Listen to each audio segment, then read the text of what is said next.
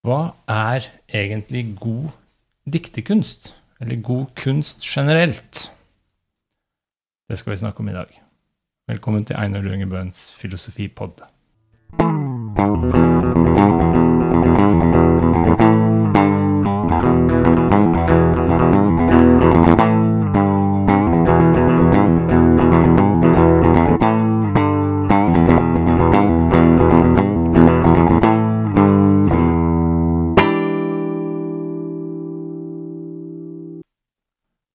i dag har jeg med meg Øde Nerdrum. Velkommen. Takk. Veldig hyggelig å være her. Ja, Har du gleda deg? Uh, ja. Um, jeg har gledet meg og smågruet meg litt. Uh, Hvorfor har du grua deg? nei, uh, jeg tar dette såpass seriøst Å ja.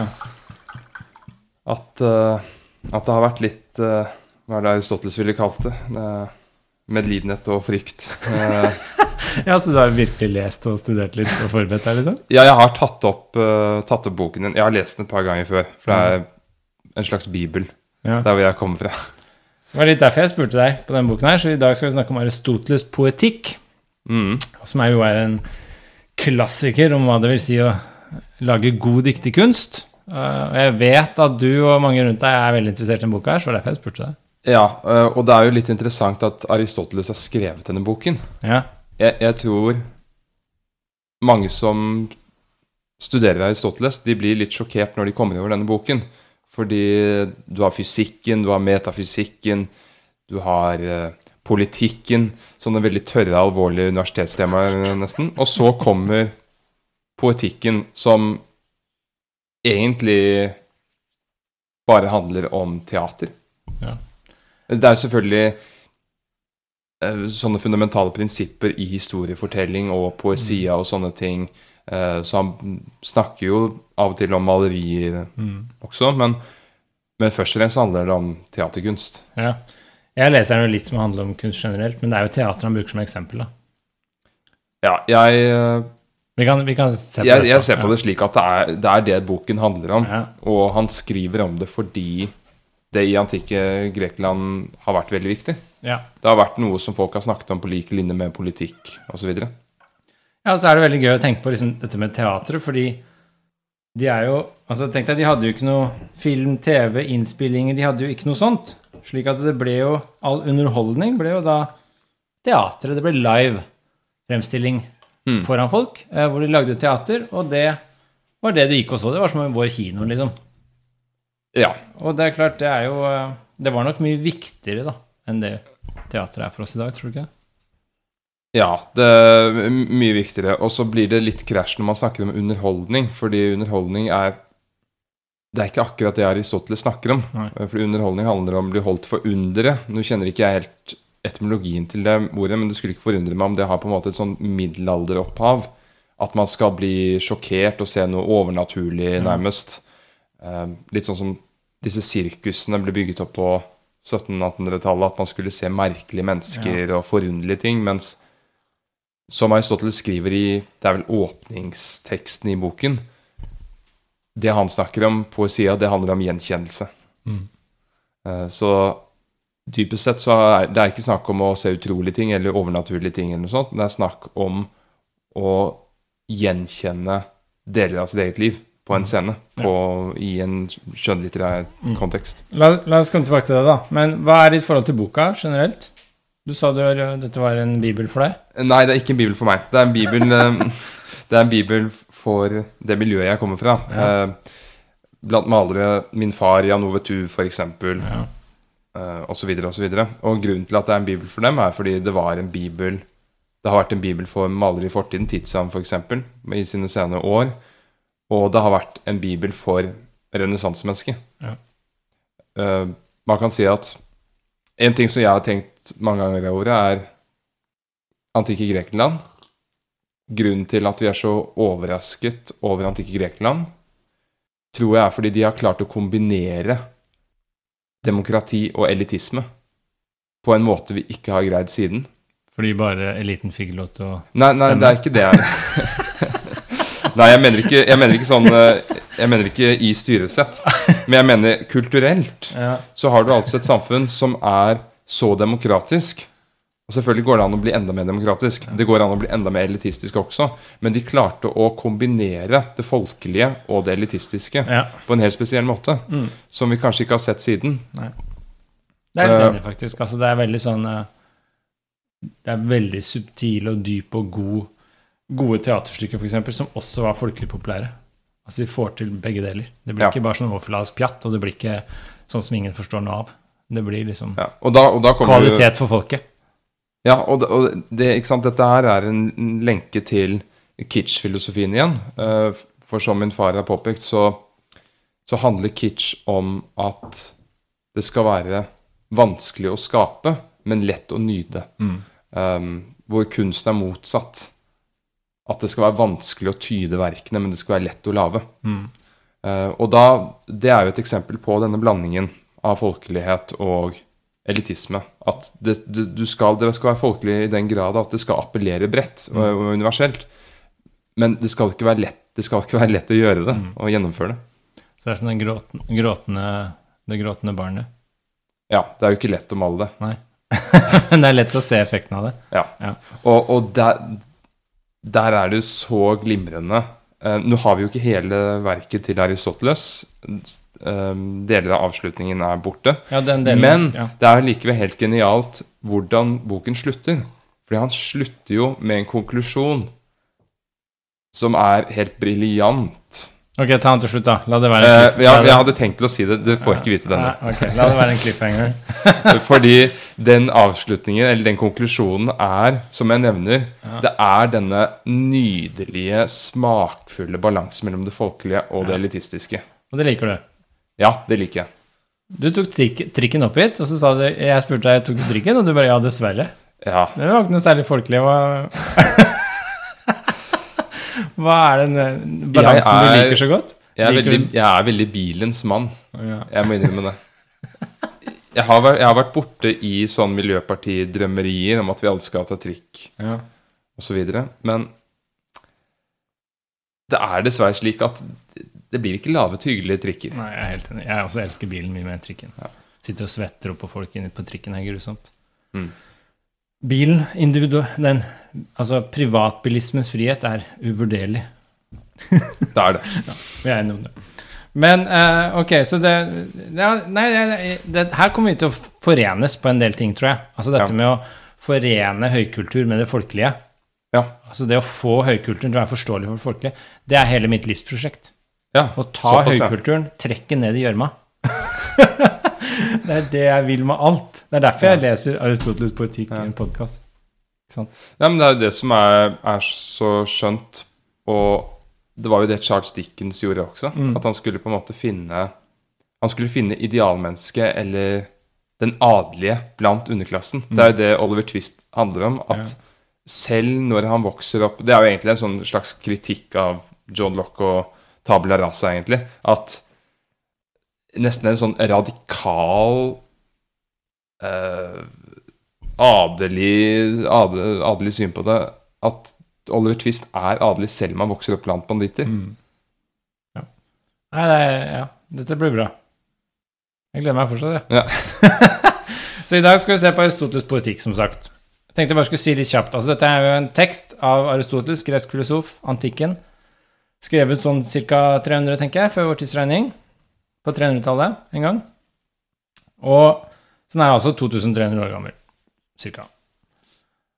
Og eh, litt sånn bruddstykker. Han sier han skal snakke om tragedien, som du, vi skal komme på. Han skal snakke om dette tragedien, dette teaterstykket tra som sjanger, tragedien, men også komedie. Men så sier han aldri noe særlig om komedie, for det kommer han ikke til. Så det er den biten som mangler. Ja, det er jo det man, Ja, Man tenker at det mangler. man, man Det er vel en bred om at det er det som mangler, men det var det er kanskje litt mer også. Ja, altså han utgitt Han sier de populære skriftene mine. Han har jo utgitt en del som er bare borte. Ingen vet hvor det er. Så han henviser Ja. til noen tekster han ikke har, som vi ikke vet hvor det er. og sånn. Så, så dette er på en måte Det kan virke som det ikke er en ferdig bok. Det er mer forelesningsnotater som han på en måte har Som er kommet oss i hende, holdt jeg på å si.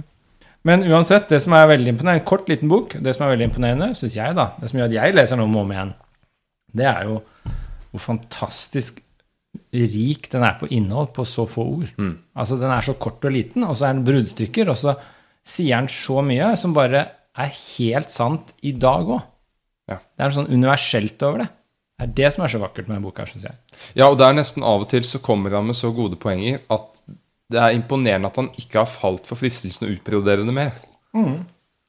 Jeg er helt enig. Han bare sier det, og så bare går han videre, og så bare sånn sitter vi der bare Ja, men det var jo helt sant! si mer! Ja, ikke sant? Ja, ja, litt sånn orakel vi ikke får mer av. Ja, Det er nesten noe sånn Johannes Brahms over det, sånn kontra Wagner. Du vet, når, Johan, når Johannes Brahms kommer med et helt sånn nydelig tema, så er det bare sånn Ja, det var den. Nå forlater jeg det, nå går jeg videre. Mens uh, Wagner eller Maler hadde jo utnyttet det. Ja. En sånn liten strofe hadde de dratt over en time. Men eh, du, jeg beit meg merke at du sa at det var ikke din bibel, det var de rundt deg sin bibel. Ja. eh, Hva jeg, mente du med det? Nei, altså, jeg er jo litt kritisk til Aristoteles. Ja. Ikke hans filosofi, men jeg synes han skriver veldig tørt. Ok, ja. Så for meg Så litterært er du litt kritisk til. Ja. Ja. eh, jeg kjenner jo min, min bror mener jo at Aristoteles må ha vært autist. Det skjønner jeg på en måte. Fordi Fordi han, han har en utrolig evne til å forholde seg vitenskapelig til absolutt alt. Mm. Du merker liksom på hver eneste tekst at han har ikke blandet inn egne mm, noen sånne sosiale Det er ikke, det er ikke noen sosial konflikt i det. Du merker at det er på en måte ikke en avsender eller en mottaker. Han bare skriver om det filosofiske temaet. Men det kan jo ha noe med at det, det vi har fra Aristoteles, er jo forelesningsnotater. Ja, og det er en vanlig forklaring, da, at vi, dialogene ikke- hans har ikke overlevd og sånn. Ja. Men så er det Det har alltid forundret meg at hvorfor er det slik at det er bare dialogene til Platon som har overlevd?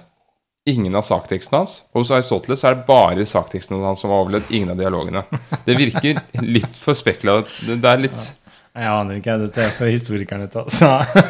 Ja, men greier historikerne å ta seg av det? Nei, jeg vet ikke, det er et godt spørsmål. Jeg, skal, jeg kan ta en historiker hit en gang. Som Aristoteles sier, historikerne er mer useriøse enn poetene. Ja, ja, ja, det skal vi se inni her. Ja, han disser historikerne litt, faktisk. Men eh, skal vi bare se på det, da, hva som står her? Mm. Det er jo Kanskje si litt sånn bare også Jeg føler Jeg har litt sånn lærebehov i meg. Jeg føler også si litt om hva den boka er strukturert, handler om sånn alt i alt. Fordi dette er jo en bok som handler om poetikk. Og poetikk her er jo bredt forstått. Altså poetikk er jo en slags skapende virksomhet. Så po po- poiesis, som det kommer av, dette handler om å skape noe. Skape en fortelling, egentlig. Eh, Så det handler ikke om poesi som vi tenker på i dag, sånn lyrikk. Det handler om, om det å skape en fortelling, egentlig. Ja, egentlig så er det nærmest det ordet vi har for kunst i dag. Ja, altså I, i betydningen av ordet. Når, når folk snakker om kunst som i eh, scenekunst, billedkunst, alt sammen, så er det slik Aristoteles ville brukt ordet. For han bruker poesi om både maleri og Ja, teater. han bruker om alt form for skapende kreativ virksomhet. Så det er en slags kunstnerisk virksomhet, ja. Ja. Men altså, ja, vi kan komme litt tilbake til det, for det er litt sånn, det der med kunst kommer jo også fra et annet begrep, tekne. Så vi kan se litt på det etterpå. Det er jo interessant. ja, og det er jo i andre avsnitt hvor han egentlig forklarer hva dette uttrykket betyr. Ja. Så vi kan komme tilbake til akkurat det. Men det er i hvert fall, det viktigste nå er bare at poetikk er bredt forstått. Det er en sånn historiefortelling, egentlig. Og i min oversetning så har man kalt det om diktekunsten. Ja, altså har- ikke poetikken. Nei, for du har sånn derre gammel Som seg hør og bør. Du har sånn gammel tekst du fra 20-tallet, når når er den fra? Ja, den er gammel. Eh, skrevet på Kav riksmål. Det var den første oversettelsen til norsk. Nei, den er faktisk ganske ny. 1989. Oh, ja. Bare ser ut som den er er godt lest, da. Ja. Men i hvert fall, det handler om diktning generelt. Så det, det, ordet brukes litt sånn som når vi sier Jeg har ofte sett at man sier Hamsun, så kaller han den store dikteren. Ikke sant, Om Hamsun, for f.eks. Da brukes det litt sånn som her. Altså, Ja. Fordi han, han lager store fortellinger. Han lager ikke lyrikk som sådan. Det er ikke det man mener med det. Så, Nei, nei. så, så det er liksom den store historiefortelleren, da. Eh, og, og skribenten og skaperen av noe. Så er det en skapende holdning. Bør ikke gå mer detaljert inn, egentlig, men det er det Mm. Jo, men som eh, menes med poetikk. kan vi ikke hoppe rett til andre avsnitt, da? Fordi da får vi definert hva Aristoteles mener med poetikk. Ja, men først bare hva Så det er det, den skal handle om politikk, og den bruker da, som du sa, tragediens teaterstykke av sjangeren tragedie som eksempel. Og den skal gå sammenligne litt med eposet, og skal gå videre og snakke om komedien, som den aldri gjør. Ja. Og så handler boka om hva utgjør god dikterkunst, Mm. med tragedien som eksempel. Mm. Det er plottet. Ja. Er du enig? Helt enig. Så da vet vi det. Da kan vi gå inn. Nå er læreren i meg tilfredsstilt. og hvor var det du ville hoppe rett inn? Hva han mente med Det er andre avsnitt. ja, Eh, kapittel 1? her, ja, her er det altså skrevet med hva kunst er. Ja. I min. Hva står det i din? Eh, skal vi se Hvilke linjer er du på? Andre avsnitt. Uh, Ja, vi har forskjellig sånn avsnittsinndeling. Uh, så vi kan se her da hva han sier. Jeg kan bare lese det her hva han sier her, for dette er veldig, dette er Mm. åpninga på selve teksten. Og grunnen til at han begynner teksten med å si sånn 'vi skal' Her står det 'vi skal', og så sier han hva han skal. Det er faktisk interessant. Det er litt artig, fordi de skrev på sånne papyrusruller. Og de måtte rulle opp for å lese. Og de skilte seg ikke så godt fra hverandre når de lå i en hylle. Så du måtte se hva det her skulle være, hvilken tekst det her var umiddelbart. Mm. Og derfor så begynte man ofte sånn med disse tekstene. Så, man, så det første han sier er vi skal drøfte både dikterkunsten selv og dens forskjellige former. Mm. Hvilke virkning hver av dem har, og vi skal drøfte hvordan handlingsforløpene må konstrueres hvis det skal bli virkelig vellykket diktning av det. Så vi skal se på diktning, virkningen de har på oss, og hva som utgjør vellykket diktning. Mm. Det er det han skal se på. Så kan du lese det avsnittet du sa. Ja, Nå skal det sies da at oversetningene er veldig forskjellige fra hverandre. ja. Og jeg tror denne, akkurat denne utgaven jeg har her, er en litt konsentrert utgave. Mm. Det vil si at uh, det er nok mer tekst i din. Uh, men det jeg er opptatt av her, er når han skriver at den episke diktningen, tragedien og komedien, dithyrammen og fløyte- og lyrespill, ja. er alle i sin helhet efterligninger. ja. Det står her. Og, og da er vi kommet til kjernen her av definisjonen. Det handler om efterligning. Ja. Uh, og sånn sett så ligner det egentlig mest på det nederlandske ordet 'geschilderei'. Aldri hørt om. Du har ikke hørt om det? Det Nei, det- er det- er det er min, min nederlandsk er litt rusten. Er, er den det? Ja. Hva Det er kanskje det? ikke store nok filosofer som fra Nederland. Nei, det er det ordet de bruker for kunst i dag. Ja. Eller ja, maleri, da. Ja. Og, og det betyr Schilderei betyr skildre. Skildre. Vi har det på norsk. Ja. Um, det betyr simpelthen skildring. Mm. Og, og her skiller jo tekne og det Aristoteles snakker om her, lag. Ja.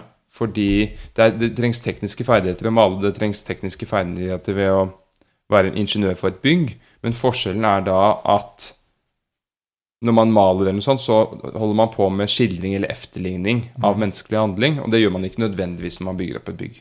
Nei. Man kan gjøre det. Man kan legge inn sånn I designet kan man uh, efterligne menneskelige proporsjoner, man kan legge inn stukatur med mennesker og sånn, men i og for seg, bare det å bygge en, et bygg, er ikke nødvendigvis Nei.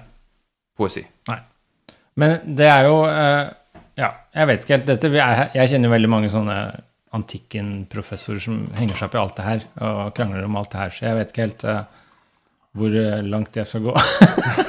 Men poenget er at det er jo jeg, For han nevner jo ikke arkitektur når han nevner poetikk her. Ikke sant? Så du, har, du er inne på noe her. Fordi han Ja. sier jo ikke Han sier La oss følge naturens orden og ta utgangspunkt i det mest grunnleggende. Epos og tragediediktning og komedie og dityrambediktning og størstedelen av aulos og kitarakunsten. Dette var musikk og tale Ja. og dans og kunstformer som var den gang. Eh, og det var det, det var det mest grunnleggende form for poesis, vil jeg tro. da. Poetikk, han, Ja. han mener. Og så sier han sett under ett er alt sammen etterligning. Ja. Og det er kjernen. Det er kjernen. Jeg er helt enig. Og det er jo en av de Det er virkelig sånn mektig påstand. For hvis du tar den innover deg Og vi, hvis vi leser poetikk her nå som litt sånn kunst Vi leser den som litt sånn all skapende virksomhet. Så sier han egentlig at all kunst er etterligning. Ja, ut fra, ut fra vår, vår moderne terminologi. Ja. Ja. Og, det, og den er jo Det som er så fint, det er så klart og tydelig. Og vår moderne definisjon på kunst er veldig utydelig. Eh, mange vil til og med hevde at det er, i dag at det er det motsatte av efterligning. At nei, det skal vise oss noe nytt. Ja. Og noe nytt vil jo per definisjon Har jeg drukket opp kaffen din? Nei, jeg vet ikke. Nei, jeg tror jeg bare ikke åpna den. Ok. ja. Noe nytt vil jo per definisjon si det motsatte av efterligning. Du gjenkjenner det ikke. Uh, ja, men Eh, i, I alle fall som et subjektivt begrep. Eh, og man snakker jo om kunst som noe subjektivt. Man skal nå ut til subjektet. Når jeg viser frem et, et kunstverk, så skal jeg nå ut til Einar Duengebøen. ja. Og du kjenner ikke noe igjen i bildet. Det er nytt. Eh, og så kommer Aristoteles og sier det jeg snakker om, det er gjenkjennelse. Så et, et eksempel her er jo hvis du tar et helt Hvis du tar sånn som Rotko eller du tar sånn som Pollock, abstrakt maleri. Mm. Så de maler da fargeflater, de maler sånn drip paint som de spruter på lerretet. Mm. Og så hvis Det er sant som Aristoteles sier, da, at all poetikk, all diktning, all kunst er etterligning. Ja. Så er spørsmålet hva er de abstrakte maleriene etterligning av? Jo, men Eller er de etterligning? de er ikke efterlignere. Det blir spørsmålet da. Uh, da mener jeg at de faller ikke under den kategorien. Så da vil det ikke være poesis, sånn som Aristoteles snakker om det. Nei. Eh, Jeg, jeg mener det ganske bestemt. Det, det vil være noen mennesker som vil synse litt og si at de efterligner en følelse eller noe sånt, men jeg mener at ut fra Aristoteles terminologi så er det ikke noe som kan gi grunnlag for det. Nei. Du kan ikke gjengi følelser, du gjengir handlinger.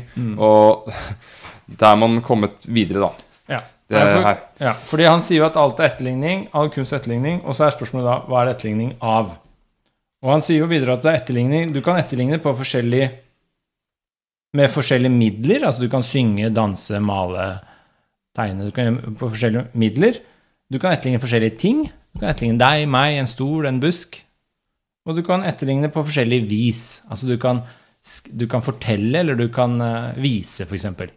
Samme handling. Du kan si 'nå gjør Øde sånn og sånn', eller så kan jeg bare skildre hva du gjør. Så det er mange måter å etterligne på, men han mener at alt er etterligning. Og det, jeg, jeg, jeg har tenkt mye på akkurat den posten her. Fordi sånn i abstrakt maleri òg, som du sa ikke var etterligning, så tror jeg mange vil si at det etterligner kanskje en slags stemning Altså det gir en gjenklang i oss mennesker som Ja. gjør at det etterligner noe, men da etterligner vi ikke handlingsforløp, som er det Aristoteles mener er det primære du skal etterligne. Ja, og da, da biter man seg selv i halen. Fordi da kan man si ja, men det er jo ikke portretter heller efterligning, da, for det er ikke handlinger, det er bare mennesker. Uh, så det er, ikke, det er ikke så rigid. Uh, Aristoteles skriver jo senere, når han er inne på skuespill og sånn, at du kan efterligne både handlinger og karaktertrekk, men at å efterligne handlinger er å foretrekke. Men jeg tenkte på det med abstrakte malerier. Når folk sier at det er efterligning, det er egentlig en litt fornærmelse mot Pollock og Rothko å si det. Fordi hele filosofien som lå til grunn for det de holdt på med, var jo å ta avstand fra efterligningen. Eh, Det var jo Du har jo dette kjente utsagnet til Pollock 'Jeg mal, efterligner ikke naturen, jeg er naturen'. Og det var filosofien som lå til grunn, at man skal på en måte hoppe over det leddet. Så sånn sett så blir jo hysterien rundt eh, abstrakt maleri på 50-tallet minner egentlig litt mer om tulipanfeberen i Nederland.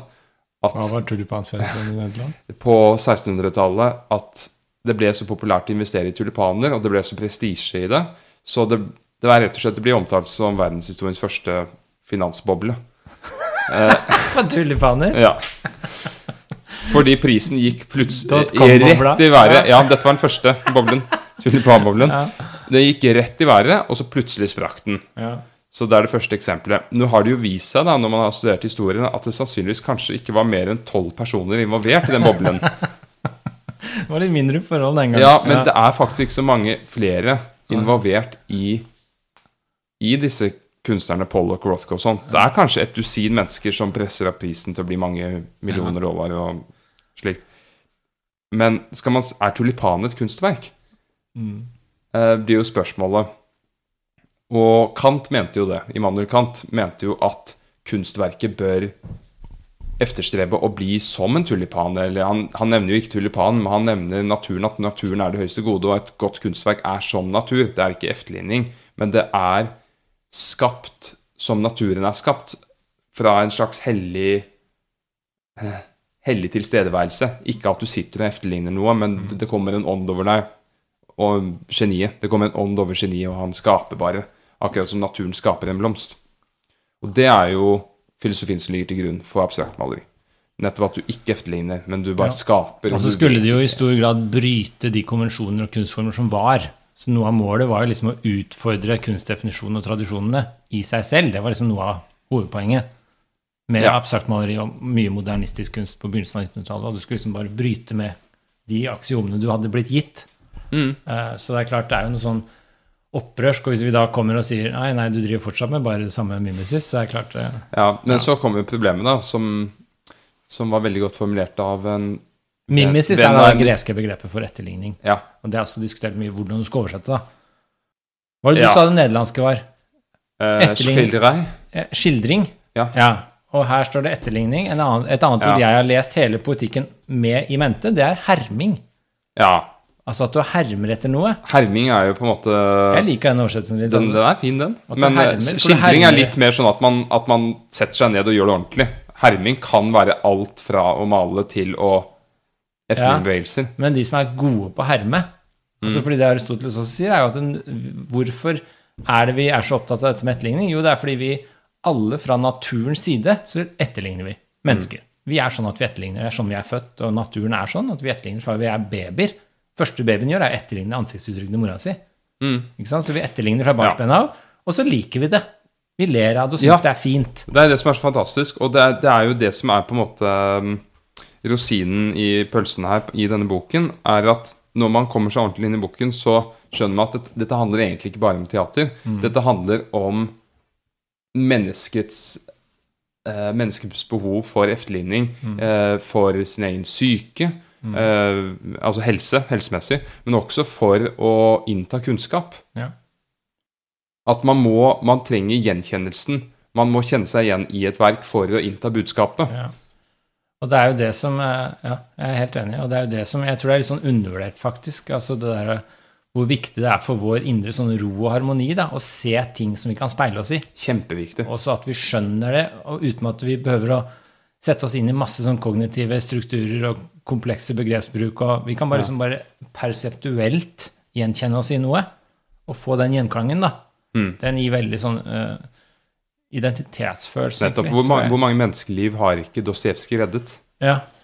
Og det er derfor, ja, jeg er enig. Altså, når man leser litteratur, og som ung eh, spesielt da når jeg gikk på videregående 20-åra og, begynte og leste mye litteratur og mye klassikere, så er det sånn Du føler deg litt mindre ensom fordi du kjenner deg igjen i det forfatterne skriver. Ja. Og da må det være en gjenkjennelse. Hvis jeg bare satt og så på Rothko eller Pollocks abstrakte malerier fra jeg var 16 til 26, så hadde jeg nok ikke gjenkjent meg selv på samme måte, da. Det hadde vært mer sånn utforskende og gøy også, men jeg hadde ikke fått den der gjenklangen som skaper liksom ro og harmoni. Og, Og det er jo han, i, ap- Apropos det, eh, som Aristoteles går gjennom i boken her, forskjellen på tragedie og epos, ehm, så er det jo slik at han går litt frem og tilbake med fordeler og ulemper med de to forskjellige sjangrene. Og en av fordelene ved epos er jo at du kan gjøre den mer utrolig. Ja. Fordi i alle fall på Aristoteles sin tid så var eposet alltid i muntlig form. Du, du fremførte ikke et epos på en scene. Eh, og da, når det fortelles i muntlig form, kan det være mer fantastisk, og det kan være mer flere merk merkverdigheter, flere detaljer. Du kan beskrive menneskers følelser. Jeg vet ikke om Aristoteles nevner akkurat det, men det er noe jeg legger til her. Eh, hvis du har et teaterstykke, f.eks., så kan du ikke fortelle om følelsene til hver enkelt. Men i en roman som minner litt mer om et epos, så kan du det. Og så er, ja, er det jo eh, Ja. Mm. Det er også måter å gjøre det på. ikke sant? Altså, du kan jo vise følelser i karakterene. Han skiller mellom det å show, show og tell, som en serieskaper i dag snakker om show, don't tell. ikke sant? Altså at det, det å vise noe fremfor å fortelle om det, er jo en måte som han setter høyere. Det å vise noe. Så når du står på scenen, og så viser du en følelse ved handlingene dine, Ja, så setter han handlingen som primær, og så sier han liksom gjennom handlingen så ser du hva slags karakter dette er, ja. og så ser du hva slags følelser den har gjennom spillet som foregår, heller enn omvendt.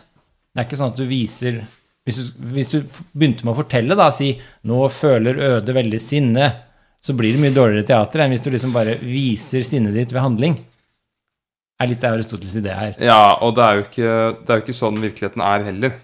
At når jeg er sint, så sier jeg jeg er sint. Arg, nå er jeg sint. Det er, det er helt unaturlig. Det finnes jo noen barn som gjør det. Ja. Men voksne mennesker er såpass komplekse at det er faktisk større sannsynlighet for at jeg sier nå er jeg glad. ja. Jeg er veldig glad for tiden. Og da skjønner man at det er ikke glad for tiden. Nei, jeg stoler ikke på det. Går rundt og sier du er skinnmerre glad. Men ja. Men, men, men da er vi jo inne på et poeng her. Men, ja, men altså og, og, det, og det er dette her med noe som er veldig ofte diskutert når det gjelder denne boken, og særlig blant filmskapere, eh, som du nevnte, er nettopp dette som det heter på engelsk 'plot is character'. Og det er Aristoteles' påstand om at man bør prioritere handlingen fremfor karaktertrekk. Mm. Eh, For som han sier, så kan et, et verk eller en diktning eller en historie kan gjerne Den kan fungere uten karakterer, karaktertrekk. For man, har- man har en historie. Du er jo en, en Batman-fan, så vidt jeg vet. Så du vet vel som meg at i den filmen The Dark Knight Ja. De første ti minuttene eller noe slikt, hvor de raner Det er absolutt null karakterbeskrivelse. Det er simpelthen et ran. Ikke sant? Ja. Uh, og så tar Joken av seg masken, og så begynner på en måte karaktertrekkene å komme fordi du blir kjent med ham. Men inntil det punkt så er det en historie fullstendig blått for karaktertrekk. Og det er mulig, som Aristoteles sier. Det er mulig, Men det er ikke mulig å gjøre det motsatte. Å lage en historie bare med karaktertrekk. Nei. Da blir det i hvert fall fryktelig fortelle noe dårlig.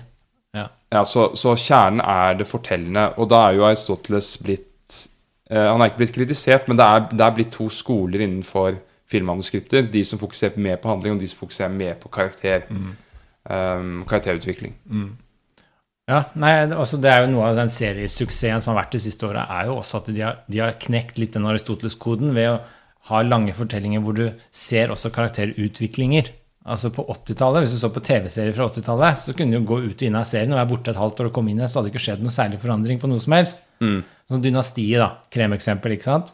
Du var altfor Ja. ung til det, men ja, Dynastiet var jo kremeksempel. Det, det, hver handling så skjedde noe i hver episode, men det var liksom, du gikk ikke glipp av noe om du var borte en måned. Mens hvis du ser på moderne serieskapninger, sånn de gode, da, sånn som The Wire og Breaking Bad og sånn, så er det jo Er du borte en måned fra den serien, eh, går glipp av mange episoder, så er det ting du går glipp av da, i karakterutviklingen. Eh, og noe av det som gjør sånne kvalitetsserier, er jo at de evner å vise karakterutvikling over tid. Og det er jo egentlig så groteskt, det man gjør der med slike serier hvor de ikke utvikler seg. For, fordi du skaper på en måte et klima hvor du gir beskjed til seerne om at dere trenger heller ikke utvikle dere.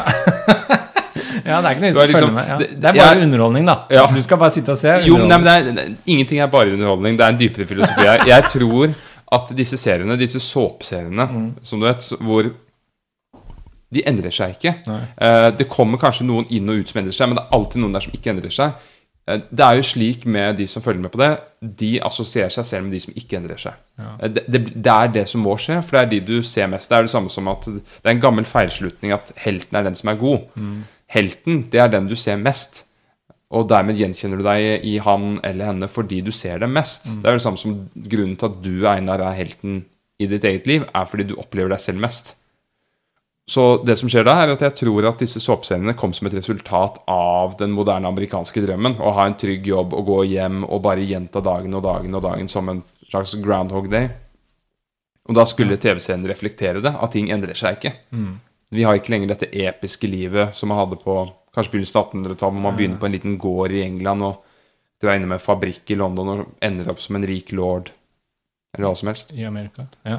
Eller, eller Men altså de nyere seriene, sånn som The Wire Nei, sånn som Breaking Bad, da, som jeg, jeg ser jo ikke så veldig mye TV, jeg må innrømme det, men jeg har sett noen av disse seriene, og Breaking Bad er jo veldig god serie. Fordi det som skjer der, er jo veldig interessant sånn aristotelisk tenkning, da, fordi hoved... Har du sett Breaking Bad? Nei. Oh, nei. For hovedkarakteren der, Walter White, han er en helt vanlig kjemilærer, en god, god vanlig fyr, eh, sånn A4-fyr. Og så får han kreft, og så begynner han med masse kriminell virksomhet for å tjene penger som han skal etterlate til ungen sin. Og så i løpet av da, jeg husker ikke, fire sesonger eller noe, fem, så blir han som karakter egentlig bare verre og verre. Han blir mer og mer sunket ned i kriminell virksomhet. Så han blir verre og verre og gjør verre og verre ting. Samtidig som du som ser da, får mer og mer sympati med ham. Så det interessante her er at du følger en karakter ned i en ond spiral, Ja. men følelsene dine knytter seg sterkere og sterkere til han. Så du er med nedover, samtidig som du føler mer og mer med ham. Så du forvirrer seeren egentlig ganske mye, da, fordi du, du blir jo med på det onde spiralen. Eh, Og det er litt sånn mesterlig, fordi det er en karakterutvikling over et langt Ja. løp som du er med på. Og så tuller han litt med følelsene dine, fordi du burde jo ikke like ham mer og mer jo verre han blir. Så det er en veldig interessant serie, da. Og Nei, det er jo det er sånn- jo det, det er jo det poesien skal gjøre. At den skal skape slike konflikter. Det handler om konflikt Ja. hele tiden. Eh, og, og da svarer jo Aristoteles genialt på det. Hva, hvordan, hvordan kan vi liksom rettferdiggjøre at vi oppsøker konflikt? Det kan da ikke Ja. være moralsk. Og så sier Aristoteles jo det er pga. renselse. Vi skal føle renselse. Katarsis. Katarsis, ja. Ja. Det er begrepet. Så, eh, og han, han sier jo faktisk, eller han skriver det rett frem, at det du nevner der, at aller best så foretrekker han at en lykkelig mann går mot ulykken. Det er best tra tragedisk utvikling. Ja, Mens det omvendte er skikkelig krise, altså. Ja, ja. At, en, at en slem mann eh, går fra ulykken til lykken, Mm. det er tragisk dårlig. så vi kan se nå definisjonen av en tragedie. For det er jo tragedien han setter opp som den beste form for poesis her, tror jeg. Mm. Eh, og det er jo som du sa, en, en, en god mann, i utgangspunktet en god mann, som det går dårlig med. Eh, det er tragedien. Og det må gå dårlig med en litt sånn tilfeldighet. Det kan ikke være selvforskyldt. for da føler vi ikke samme sånn tragedien over det. Da fortjente den det litt. Så du kan på en måte ikke lage en tragedie om Adolf Hitler. Det funker ikke helt, fordi veldig mange føler at han liksom Han fortjente whatever came his way. Ja, men nå har jo noen motbevist deg, da, med den Dere Untergang. Som er en slags tragedie fra bunkersen. Oh, ja, ok, jeg har ikke sett den. Men poenget er at det, for at det skal være en funke som en ordentlig tragedie, så må du på en måte ha en fyr som er litt sånn ålreit, som du identifiserer deg med, og så går det dårlig ved en litt sånn uheldig tilfeldighet Ja. som gjør at du får skrekk og medynk. Fordi Ja. du får medynk fordi du identifiserte deg med han, men så får du skrekk fordi det kan skje deg òg. Ja, det er dette gale valget. Ja. Du, Eh, som er det, er det er gode intensjoner bak det, men det er, en, det er et feil valg. Ja. Og der, det er jo virkelig er sånn uten- nervepirrende gjenkjennelse, fordi vi må jo ta valg i våre liv hele tiden. og så er det litt utenfor din kontroll, ikke sant? sånn at det kan skje deg òg. Ja. og her er definisjonen hans på en sånn tragedie. Så, vil, ja, så her sier han altså En tragedie er en etterligning av en seriøs og avsluttet handling av et visst omfang. Mm. I et språk som er krydret med forskjellige slags tilsetninger i de forskjellige delene hver for seg, sånn at språket er liksom krydra, i dramatisk og ikke-fortellende form, så der er show, don't tell, Uh, ikke-fortellende form, ved den medynk og skrekk som etterligningen fremkaller, fører den frem til en renselse av den slags sinnstilstander. Mm. Så man ser denne personen som du identifiserer deg litt med, så går det dårlig, så får du skrekk og medynk, og når du føler på de følelsene, så får du trent opp ditt følelsesliv. Så du kan føle på følelser du ellers ikke ville følt på. Du kan få en slags utløp for disse følelsene da, som du ellers ikke ville fått utløp for. Og da blir du bedre kjent med deg selv, f.eks. Du blir bedre kjent med ditt følelsesliv, hvordan du reagerer. Altså. Har du en god syklus her. Selv om det er tragisk og fæle følelser. Nettopp. Og enda dypere sett eh, Det var en setning som sjokkerte meg da jeg leste den igjen denne gangen. Ja. For det er alltid sånn at det er noen ting du ikke helt oppfatter. Hvordan blir du sjokkert når du sitter og leser? Er det sånn du reiser deg opp og sier 'nei, fy av meg'? Nei, jeg, jeg, jeg bare tar, tar øynene mine opp fra boken og så ser jeg rundt meg. Var det noen, var det noen andre som oppdaget dette? Uh. Selv om du sitter alene? Liksom. Ja, ja. Ja, nei, men den setningen er jo Fordi det er igjen det er dette her med eh, karakter eller plott. Karakter eller plott, karakter eller plott. Um, som er den vanskelige Hvilke setninger er det balansen. Jeg skal finne den straks. Fordi det har alltid slått meg som litt problematisk at han aldri argumenterer godt nok for hvorfor man skal prioritere handlingen så mye mer enn karakter. Mm. For det, det er mye god underholdning, eller masse gode dramaer som fokuserer veldig mye på karakter. Woody Allen har jo veldig mange filmer hvor han selv spiller, og det er Ja. veldig karakterdrevet. Ja. ikke sant? Mm. Det er ikke så mye plott. Nei. Men så kommer denne setningen her. Tragedien er efterligning, ikke av mennesker, men av handling og liv. Mm. Det er veldig interessant også hvis man kommer til portretter. At du kan si at et portrett er en efterligning av et menneske, men dypere sett så er det efterligning av liv. Det er et Ja. liv i ansiktet der, ikke sant? Og lykke og ulykke. For også lykke og ulykke er handling. Dette er veldig interessant. Han mener altså at lykke og ulykke det er ikke noe medfødt, eller noe sånt, men det er, det er lykke eller ulykke i kraft av våre handlinger. Og det er her poenget kommer. Målet er en handling, ikke egenskap. I kraft av karakterene er menneskene slik og slik. Sant? Einar Dueng i Bøen er Einar Dueng i Bøen. Øde er øde. Vi har våre sære sider. Men så fortsetter han. Men i kraft av handlingene er menneskene lykkelige eller det motsatte. Det er settingen. Så da er det Poenget her er Dette er kapittel seks. um, Kapittel tre om tragedien. Tre? Ja. Oh, ja, vi har forskjellige inndelinger. Jeg leste sammen med deg. Ja. Eh, Ok, men Ja. poenget her er at grunnen til at vi følger med på tragedie, grunnen til at det er så nervepirrende, Mm. denne gjenkjennelsen, medynk, redsel, frykt, det handler om at det er hele tiden en balansegang mellom lykke og ulykke. Det jeg holder på med nå, kommer det til å ende opp i lykke eller ulykke? Mm. Det valget jeg tar nå, kommer det til å ende opp i lykke eller ulykke? Og nettopp derfor er det handlingen man skal fokusere på, ikke karaktertrekkene. Mm. Karaktertrekkene til Øde det kommer ikke til å føre meg til lykke eller ulykke. Det er bare hva det er. Ja. Og jeg syns dette er filosofisk veldig interessant også, for han påstår her altså at lykke er avhengig av valgene vi tar. Mm. Det er ikke noe medfødt. Du er ikke født lykkeligere eller mer ulykkelig. Det er, ja. Hva var det som sjokkerte deg? Du sa du var sjokkert. Jeg så for meg at du så opp så rundt deg. Var det noen andre som fikk med seg det? Hva var sjokkeffekten? Var det at eh, handlingsforløpet var det viktigste? Det er Ja. Eh, eh, det som var sjokket, var denne, denne, denne holdninga Aristoteles har, at lykke og ulykke er fullstendig avhengig av våre Ja. handlinger. Når du skal ta et valg, ditt neste valg, leder det deg til lykke eller ulykke? Fordi jeg har ofte tenkt at lykke og ulykke er litt forutbestemt. Ja. At lykke og ulykke handler litt om karakter. Jeg er en lykkelig person, eller jeg er en ulykkelig person. Og hvis jeg er ulykkelig, så er det slik det er, på en måte. Men at han sier at det er kraft over handlinger, det er en Det er utrolig mye ansvar som kommer med den filosofien. Det er det ene. Men det er også utrolig tilgivende. Fordi du kan faktisk velge deg frem til lykken.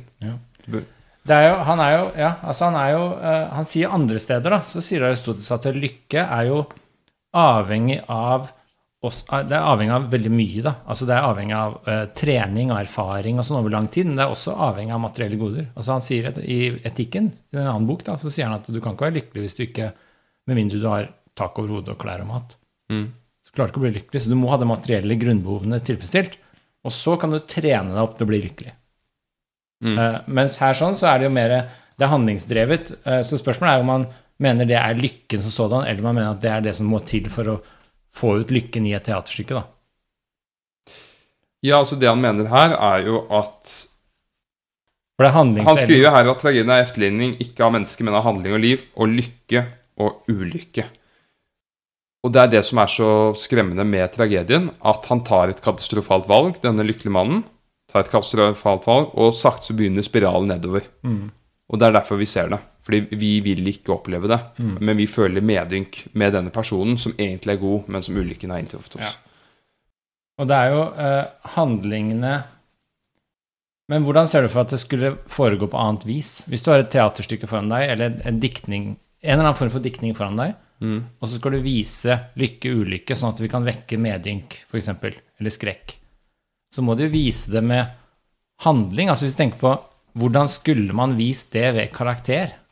Nei, men du er helt rett, det går ikke. Nei? Men poenget her er fokus på lykke og ulykke. Ja. At det er det poesien skal handle om, det er det teaterstykket skal Ja, ja. handle om. Og da må man ta Den konflikten. Ja. Og da må man ta valg, og det tragiske oppstår jo når vi tar valg som vi på en måte ikke forstår leder til vår egen ulykke. Og så ser vi liksom Å, shit, det kan jo skje meg òg. Mm. Ja. Så, så det er noe dypt oppdragende Mm. med tragediene. Det syns jeg er veldig sånn, kanskje litt sånn undervurdert i, i, i mye moderne kunst også. At det skal liksom kanskje Det har ikke samme oppdragende effekt lenger. Altså Jeg syns det er litt sånn vulgært mye av det, og mye mer sånn sjokkeffekt og vulgaritet. Mens jeg, mens jeg savner litt mer sånn idealer å strekke meg etter. Litt sånne ting som jeg ser liksom Oi, det var flott. Sånn vil jeg bli. Mm. Mens når jeg ser mye kunst i dag, så er det sånn Oi, det var vulgært. Jeg vil jo ikke bli sånn. Nei. Så det er mye fokus på de negative, kjipe sidene ved mennesket, mens jeg savner litt mer sånn Jeg vil ha håp, jeg. Jeg vil ha liksom Denne gulrota skal jeg strekke meg etter. Ja. Og det får man ofte i veldig mye klassisk kunst, syns jeg, da. Eh, Mens man kanskje mangler det litt i moderne kunst. Mm. Er det en fordom, eller hva tenker du? Nei, jeg tenker på forskjellen på helt og antihelt. Ja. Nå er ikke det noe Aristoteles skriver om, men det er så ufattelig mye litteratur som er kommet som et resultat av denne boken. Mm. Og Forskjellen på helten og antihelten er jo at helten er noe man strekker seg mot. Antihelten det er det motsatte. Mm. Men at det finnes en gjenkjennelse i begge, og lærdom. Fordi antihelten forteller deg hvordan du ikke skal bli. Helten Ja. forteller deg hvordan du skal bli. Og det snakker Aristoteles litt om. Han sier du etterligner enten folk som er verre enn oss, like som oss, eller bedre enn oss. Ja, Men så ender han jo opp med den konklusjonen at det bør helst være folk som er bedre enn oss. Ja, og det er det jeg savner litt. Ja, for det er en trend i vår tid med antiheltfortellinger. Ja, at du bare uh, fokuserer på det som er verre enn oss, det verste siden av oss. Mm. Og så Og- viser du det, og så er det sånn Ok, jeg veit det. Jeg er lei det. Jeg vil ikke se det verste Ja, av oss lenger. Og det som er så groteskt grotesk med, med dyrkningen av antihelten, er at jeg vet at det finnes mange mennesker som følger med programmer, uh, ulike reality-programmer og forskjellige, med mennesker de selv oppfatter som dumme. Mm. Fordi de får en nydelse av å kunne se mennesker som er dummere enn dem selv. Ja. Eh, De kan gjenkjenne noe av det dumme på seg selv, men 'jeg er ikke så ille', mm. så blir man glad. Ja. Og det er veldig problematisk, fordi mennesker bør strekke seg Ja. mot noe. Du som eh, er opptatt av Nietzsche. Er Skjønner det veldig godt. Ja, nei, jeg er helt enig, faktisk. Altså, jeg, men jeg savner også Jeg savner de der idealene. Litt de der Det kan vi strekke oss etter. Mm. Det syns jeg er for lite av. Alt sånn reality-program og sånn er jo ikke noe du kan strekke deg etter. Nei. Det er mer sånn der underholdning, bare du skal le litt. Mm. Eh, Så det er veldig mye er liksom mer på det Aristoteles kalte komedienivået. For komedien for Aristoteles etterligner jo slettere folk. Mm. De etterligner de som er dummere enn oss, eller teitere enn oss, eller eh, dårligere enn oss. Ja, I tragedie et tragisk ansikt er et vakkert ansikt. Og så ler vi. Mens de tragedier må etterligne de som er bedre enn oss, og så må de falle. Mm. Da er det tragedien. Og han sier en morsom ting her, fordi om det så sier han at det er jo Det er litt lenger uti, så sier han det er jo de seriøse menneskene, kunstnerne, de lager jo tragedie. Ja. Mens de liksom overfladiske platte, de lager komedie. Ja. så han skiller mellom det, da. Og det er liksom de erfarne, seriøse, de lager jo ordentlig tragedier. De lager jo ikke komedier. Så han ser litt ned på denne komedieformen som bare skal etterligne det, det dumme. For det er liksom litt lettvint, det. Nå skal jeg se om jeg finner hva han sier her. For det er veldig morsomt, faktisk. Um, men altså, så, så, så han, har, han har en ganske klar formening om hva som utgjør en god fortelling, da. Og det syns jeg er litt sånn uh, kult. Altså han, han har objektive kriterier for hva som utgjør en god fortelling. Det er ikke sånn 'jeg liker denne, og du kan like den', så er vi enige om å være uenige. Han, er, han har krav. Ja, og han eh, går jo igjennom de store dikterne fra Grekland, som faktisk mange av tragediedikterne han nevner, Euripides og Ja. osv., var hadde vært dø døde i nesten 100 år da han skrev dette verket. Så han, så han skrev jo egentlig om gammel litteratur i veldig stor grad. Ja. Men, men selv da han sier at eh, Homer er en utrolig legende, en stor dikter, så har han noen kritiske ting å si om Homer også. Ja, hva tenker du på? Nei, eh, jeg, jeg kan prøve å finne det eksakte stedet, men det er et sted hvor han er kritisk til en liten del i Ja. Men jeg tenkte jeg skulle prøve Jeg finner ikke her, vi bør ikke sitte og bla i det. Vi kan komme Men her, apropos dette med å la en lykkelig edel person gå til grunne, at det er tragediens mål, her, har du jo, her går han gjennom ulike metoder. Og så skriver han av disse muligheter er det sletteste den å la en person med fullt vitende stå i begrep med å begå en handling, og så ikke la handlingen komme til utførelse. Dette har noe avskyelig ved seg, og er utragisk, for smerten mangler. Ja. Nei, jeg finner ikke det jeg så, satt og så på her, egentlig. Men, ja. Men det, så en ting som jeg bare merket til her, er jo at han har Han snakker om konkurranse i tragedien. Altså han må, apropos hva som utgjør en god fortelling. Han har objektive krav, og en måte han sjekker det på, og tester det, er nesten empirisk. Altså han sier du har konkurranse. De hadde jo konkurranse, satte opp tragedier. Hvem var mest tragisk? Og så vant noen over andre ved å se på publikums reaksjon. Hvem var det som faktisk hadde mest tragisk effekt? Hvem var det vi fikk mest skrekk og medynk av? Det er den beste tragedien. Og det interessante her er jo at det er sånn han sjekker de mer sånn objektive krav. Så hvis noen sa 'nei, jeg føler ikke at den var så bra', så tar du feil hvis flertallet av publikum mener at det var det mest tragiske, for det hadde den effekten en tragedie skal ha, nemlig skrekk og medynk i betrakteren. Ja, ja, det er nettopp det. Det er, det er det som gjør det så genialt. At han, apropos det vi snakket om innledningsvis, at han tar publikum på alvor. Ja. De er dommerne. Og det ser du litt sånn i, i, Hvis du går på utstillinger også, så ser du at det, det er noen utstillinger hvor publikum bare reagerer helt annerledes enn de andre. Og, og det er noe litt sånn Skal ikke undervurdere hvor viktig det er, da. Altså, når, sånn som jeg var på utstilling Jeg var hos Dag Hoel en gang, en maler. Var hjemme hos han og snakka med han. eh, Og så hadde han et svært figurativt maleri av, av, fra Lofoten. Og så fortalte han at det hadde vært noen tenåringer som har vært innom han. Og så når de kom inn i stua, så fikk de sånn derre wow-følelse. Sånn derre sånn effekt, bare sånn umiddelbar instinktiv effekt, fordi det var så stort og så etterligna så bra. og så De så liksom den der etterligningen. Og, og den En hypotese da, er at de hadde ikke fått sånn effekt ved et abstrakt maleri. Ikke sant? Fordi de hadde ikke fått den gjenkjennelsesfaktoren, de hadde ikke fått den der publikumsreaksjonen på samme måte, for da måtte de ha tenkt mye mer gjennom bakgrunnen. Ja, naturligvis ikke. Ja, Eh, og hva poenget er, og alt det rundt. Eh, Så det, det å Og det er nettopp derfor det ikke er det samme. Uh, Abstraktmaleriet tilhører, eller konseptualisme og alt sammen, tilhører mer sånne filosofiske øvelser. Mm. At man snakker sammen om begreper og forståelse. Og det, det, det er, så, så jeg, har ikke, jeg har ikke lyst til å snakke den ned, um, egentlig. Men det er noe annet. Ja, jeg er helt enig. Um, dette som Aristoteles snakker om her, er universelt, Mm. kroppslig, menneskelig. Alle mennesker har et behov for gjenkjennelse. Alle, eller, altså Gleden ved gjenkjennelse er universell, som Aristoteles sier. Men det som jeg syns er, er litt viktig, da, det er å se at det, han sier jo hva en tragedie er. Han definerer det. Mm. Det er den typen teater som skal Det skal vekke medynk og skrekk hos publikum. Ja. Og da, når du har sagt hva det er, så går det an å evaluere et verk og si er det bra eller dårlig. For da har du definisjonen på hva det er. Og så sier du ja, det skal vekke skrekk og medynk. Ok, gjør det det? Hvis svaret er nei, så er det en dårlig tragedie slik definert. Ja. Og hvis det ikke gjør det, så sier du nei, men det skal ikke vekke medynk og skrekk, da snakker vi om noe annet. Så gitt hva han sier en tragedie er, så kan man sjekke helt objektivt. Vekker det faktisk skrekk og medynk? Mm. Og sånn tenker jeg veldig mye kunst bør bedømmes, da. Det er det jeg liker veldig godt med denne boka her. Altså, du bør si hva slags verk er dette? Og her, Ok. sk- her skriver Aristoteles det du nevner. I det hele tatt bør man rettferdiggjøre umuligheter, enten ved å henvise til diktverkets samlende mål, eller til at efterligningen gjelder mennesker som er bedre enn gjennomsnittet. Den siste er jo litt morsom, da. Mm. Men um, det er snakk om hva som er målet. At du Ja. utfyller målet. Men det er det jeg litt savner litt med, med sånn kunstomtale og kunstkritikk og folk som snakker om kunst. Det er liksom at de, de hopper over det skrittet og først forstår hva slags verk det er vi skal bedømme. Hva er dette? Og så, da er det mye lettere å sjekke om det er bra eller dårlig. Mm. Er dette en eple, eller er det en pære? Ok, avgjør det først, og så se om det smaker godt. Som det. Du kan ikke kritisere pæra for, å, for at det ikke smaker eple. Det er litt det jeg uh, syns er veldig sånn solid forklart i den boka her, da. Mm. Men ok.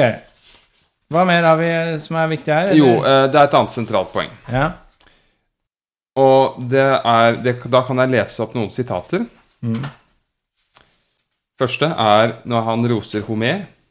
Homer, rosverdig i mange andre henseender, er også den eneste av de episke diktere som ikke var uvitende om hvordan dikteren selv bør forholde seg. Dikteren bør nemlig selv tale så lite som mulig. Så lenge han selv taler, efterligner han ikke. Så, der, Så et annet sted Han skal altså ikke tale selv, han skal efterligne. ja. Um, det er litt en show don't tell. Ja, men det betyr også at uh, jeg skal supplere med et, en annen uttalelse her. Og det er her, hvor han uh, kritiserer et stykke av eh, Jeg tror det er Euripides. Mm. Et eksempel har man i Ifigeneia, hvor hun gjenkjenner Orestes som Orestes. Hun ble jo nemlig gjenkjent pga. brevet, men han sier det som dikteren vil han skal si, og ikke det fabelen vil. Eller ikke det historien vil. Mm.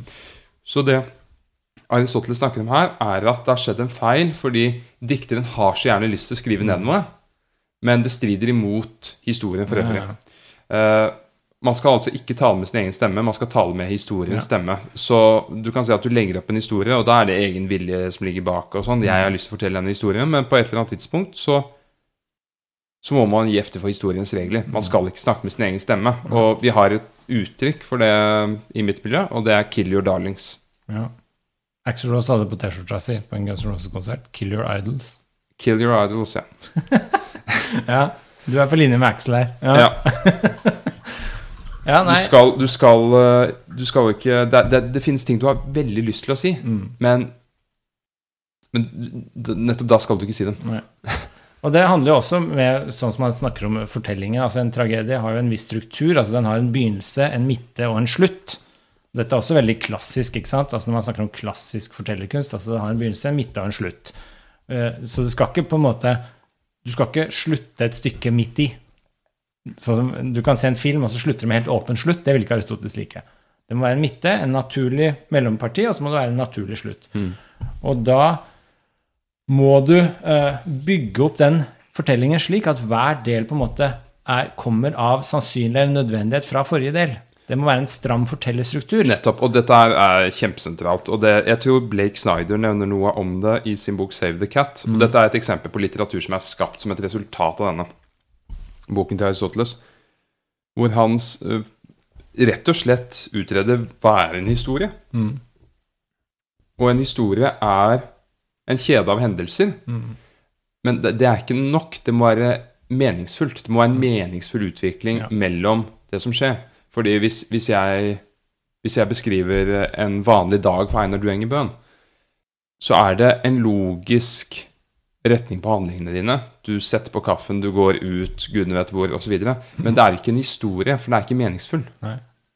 Sier du at jeg lever et meningsløst liv?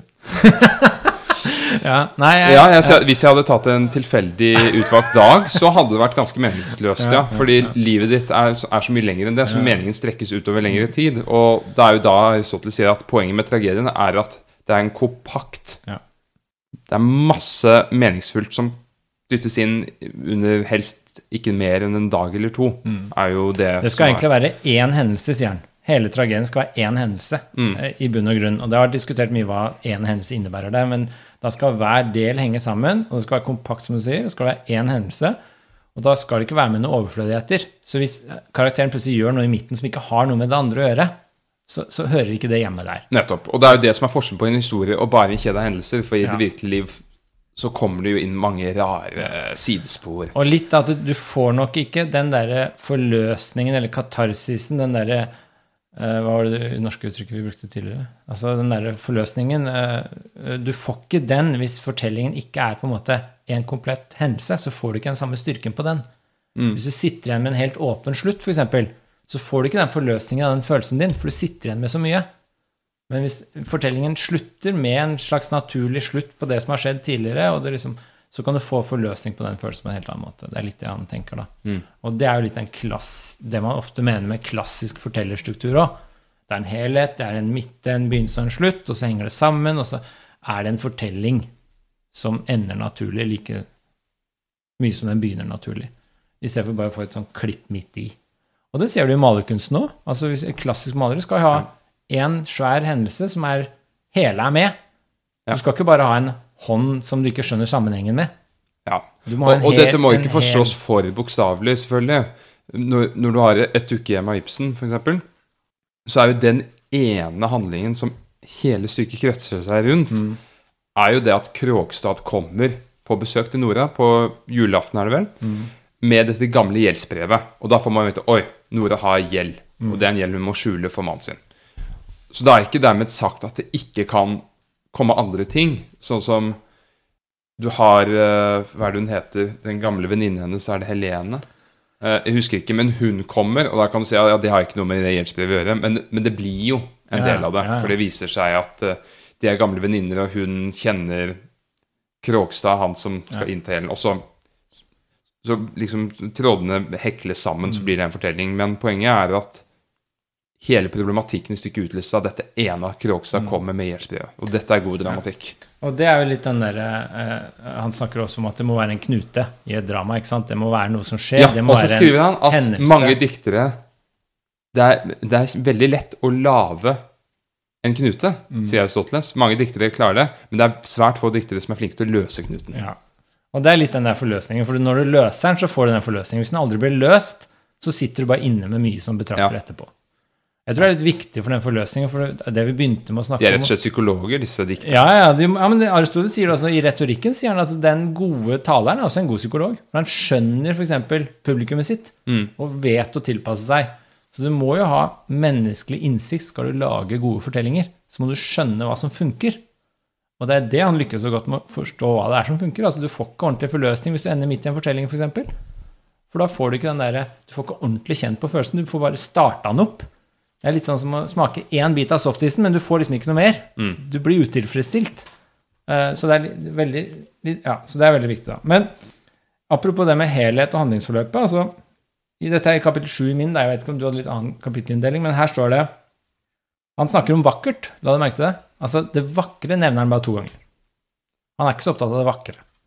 Han nevner det to ganger. Og han sier blant annet her eh, Videre er det slik eh, om, at om et levende vesen og alt som er satt sammen av deler av noe slag, skal være vakkert, så må ikke bare delene være på sin rette plass, men det hele må også ha en viss og ikke vilkårlig størrelse.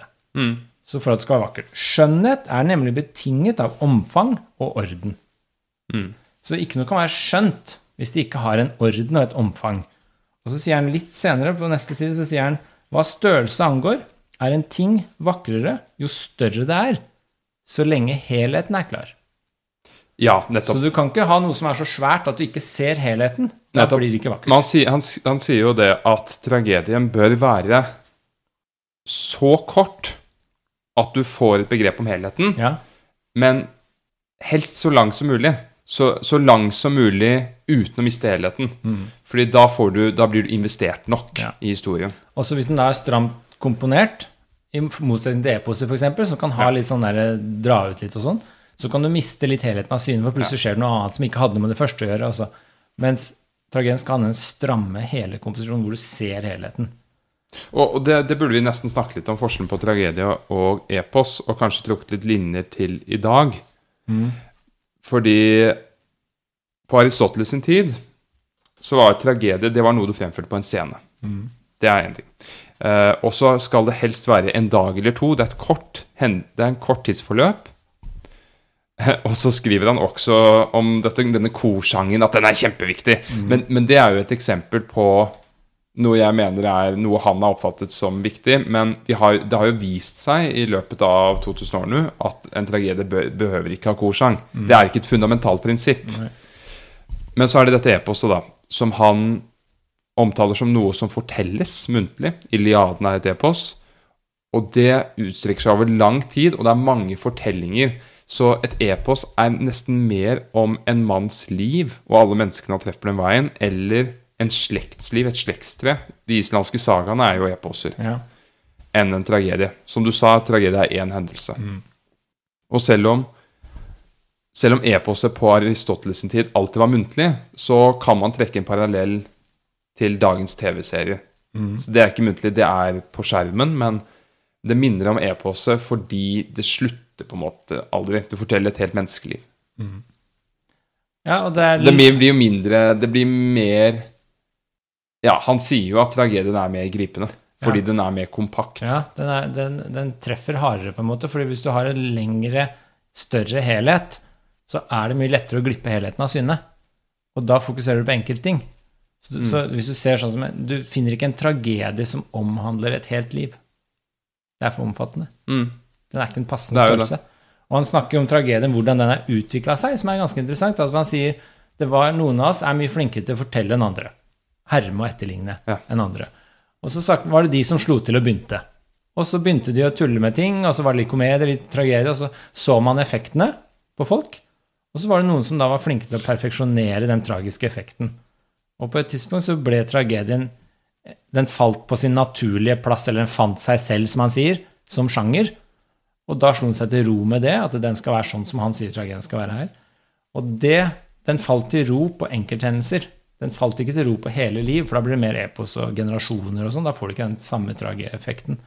Så det må være bygd opp av et eller annet, en hendelse, en, en, en, et, eh, Ja. en forandring som skjer, og så skjer det noe tragisk, og så da får du den der forløsningen. Så, får, så funker det bare ikke. Det Og han nevner, han nevner forsøk. Han nevner, uh, Aristoteles nevner i boken forsøk av noen dram dramatikere på å lage en tragedie av Iliaden på scenen. Ja. Han sier at det fungerte ikke. Det som derimot har fungert, er å lage en tragedie ut fra noen av fortellingene i Iliaden. Ja. For eksempel eh, konen som dreper uh, Agamemnon. Ja. Eh, eller Effigeneia, som vi snakket om i sted. Ja, nei, det er ganske interessant, men det er jo da Det blir jo Altså, tenk på Tenk på klisjeer. For her er et problem, da. Hvis du perfeksjonerer det som funker. Du finner, eh, En tragedie finner sin form, så begynner du å perfeksjonere det som funker. Så blir det fort at folk Det blir litt gjentagelser, ikke sant? Mm. Og så blir det litt det samme som går igjen. Eh, og, og da er det mange som sier ok, vi må prøve noe nytt. Ja. Så klisjeen oppstår, og så blir det en klisjé. Altså dette er en klisjé, sier man. Og så går man på noe nytt istedenfor å gjøre noe annet. Men det som bekymrer meg litt, er hvis man gjør det for mye. Altså Det er en grunn til at klisjeen ble en klisjé. Den funker. Ja, den gjør det. Men, men det er allikevel en problematikk eh, i det med å følge oppskrifter. Og innenfor maleriet så er det faktisk veldig lett å unngå, har jeg kommet frem til. Ja, hvordan er? Fordi du kan ha ulike oppskrifter på hva som fungerer. Komposisjoner, historier og sånn. Ja. Men det er én ting som stopper det fra å bli klisjé alltid, og det er at når du maler det, så bruker du modeller. Ja. For da har du, da har du et direkte forhold til naturen Mm. og de modellene du maler, og det vil gjøre at det har en unik verdi. Mm.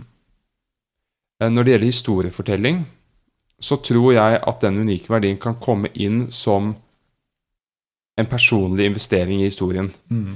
Og det vil altså si at du finner det universelle i egne opplevelser. Du må ikke finne på å skrive noe som du ikke er personlig investert i, for da får du ikke de følelsene, og du får ikke den, den direkte det direkte forholdet til historien. Mm. Og det er da det unike kommer inn, tror jeg. Så, så, så ja, så, når du, så lenge du har levende modeller, så blir egentlig hvert eneste verk ganske unikt. Ja. Ja. Og, og jeg mener man kan se det på malerihistorien også, at det man oppfatter som litt sånn klisjéfullt, det er rett og slett fordi de ikke har malt nok fra modell. Du har Bouguereau, f.eks. Mm. Nå skal det sies at han hadde modeller, men Det er han franske superrealistiske maleren. ja, liksom. altså Akademisk maler. Akademisk er Ja. mer riktig. Men han, han malte nesten det samme ansiktet på nytt og på nytt. Ja, ja. Det ble, det ble husker, ikke nok til sånn. husker, jeg beit meg merke i det. Vi var jo på Nasjonalmuseet for litt siden. Mm. Så husker jeg du sa det om de, de verkene til eh, Gudmann og Tide og disse klassiske brudeferdene i Hardanger og Ja. Hans Nilsen Hauge på talerstolen og sånn. Husker jeg du sa at alle ansiktene er jo helt like. Mm. Eh, Disse øya, alt er helt likt. På alle karakterene. Ja. Og så var jeg der for ikke så lenge siden aleine, og det slår meg at du har helt rett. jeg, ble vit jeg gikk der så tenkte jeg faen, du har helt rett. Ja. Disse bildene jeg likte ganske godt, da. Å nei. De er liksom nå litt ødelagt for meg, faktisk. Ja. Altså Jeg går der og ser, så øya er sånne svarte, intense, litt sånn galmannsblikk på alle. Ja. Altså Den lille jenta har det, den voksne mannen har det. Til og med liksom hesten i denne bildet har det.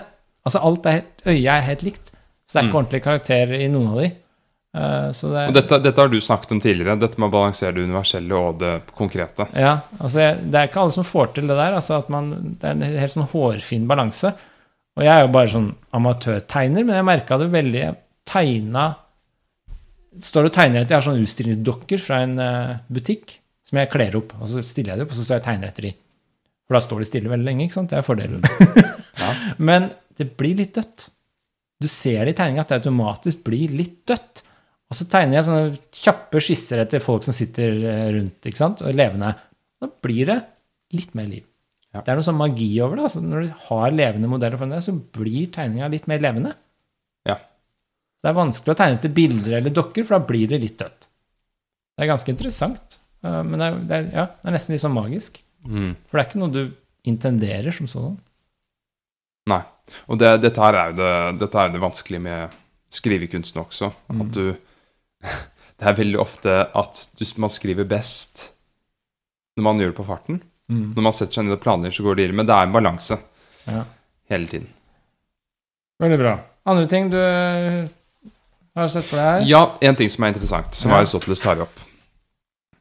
Det er Jeg husker ikke helt hvordan han formulerer det, men han sier vel noe som at han sammenligner eh, poesi med andre litt mer konkrete geskjefter, sånn som, sånn som vitenskap osv. Mm. At i den ene så er det feil, mens at det finnes feil, feil måter å gjøre tingene på. Mens i poesien så finnes det to ulike typer feil, og det er vesentlige og uvesentlige feil. Ja. Og det er veldig interessant. Mm. For som han sier at hvis du efterligner, hvis du maler en hjort f.eks., så, ja, en- så er det en vesentlig feil å glemme at hjorten har horn. Ja. Mens i en annen kontekst så er det at at den ikke har horn, helt uvesentlig.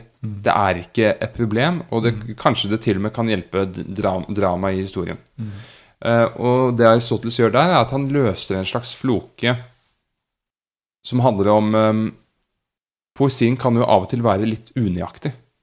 Og Aristotel sier jo til og med at det er noe av det skjønne ved det. At den ikke er eksakt. Men det vesentlige må ikke være feil.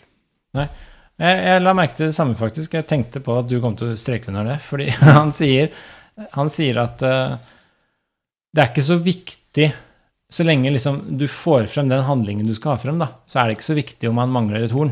Mm. Eh, men det er, det er hvis kunstneren ikke vet at han har sånne og sånne horn, det er ikke så viktig.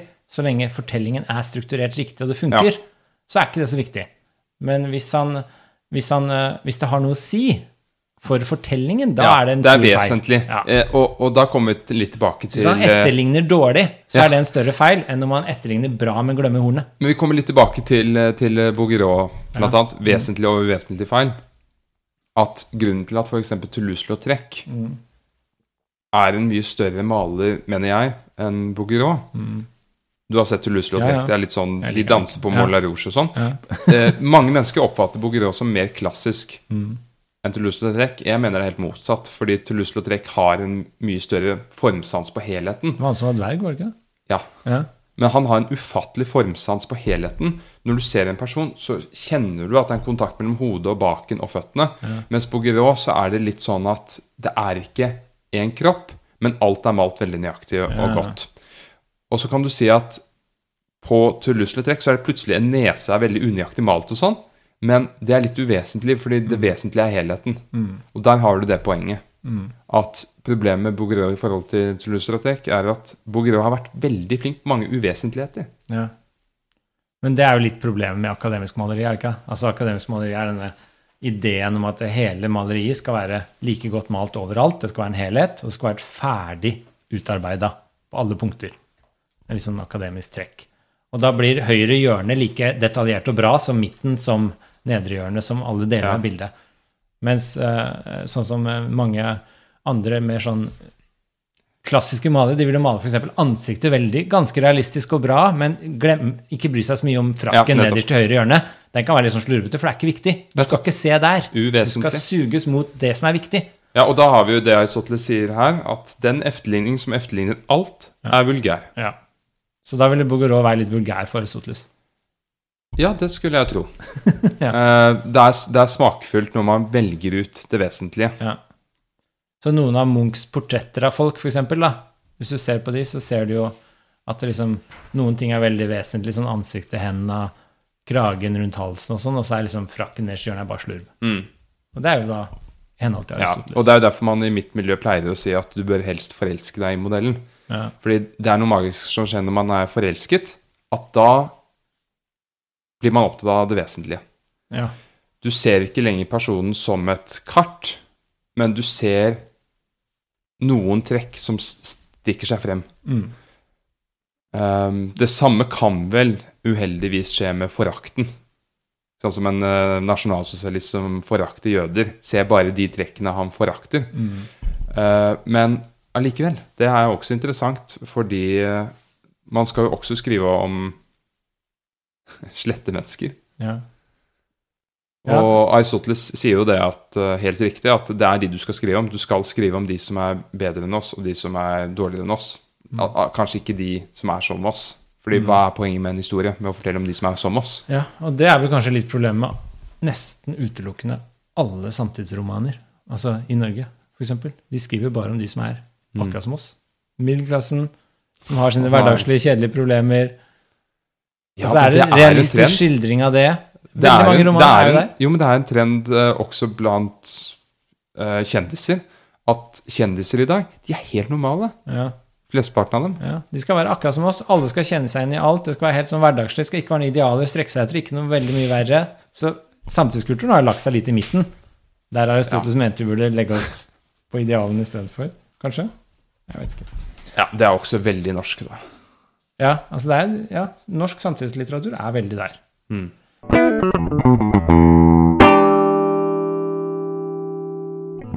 Men det jeg tenkte jeg skulle uh, si her, er kanskje noe vi ikke har snakka så mye om, det er jo at han er veldig opptatt av hva det er som skal etterlignes, så har vi sagt jo, det er handlinger fremfor karakterer.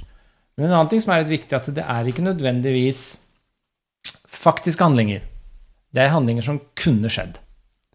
Ja. Slik at det, er litt sånn et, fordi Når mange snakker om mimesis og etterligning, så er det veldig lett å tenke du skal etterligne det du ser. Så jeg skal male portrett av deg, så skal jeg male deg. Men det blir ganske uinteressant hvis jeg bare etterligner deg. Det er den vulgære Ja. etterligningen. Eh, Så etterligning er noe som kunne ha skjedd. Jeg skal male deg sånn du Jeg skal fange din essens på en måte som, som du kunne ha vært. Ja. Eh, og det er det som liksom gjør at vi alle skal kjenne oss igjen, for da når du et allmennivå hvor det som kunne ha skjedd med deg, det kunne ha skjedd med oss alle, og så skal vi kjenne oss igjen i det.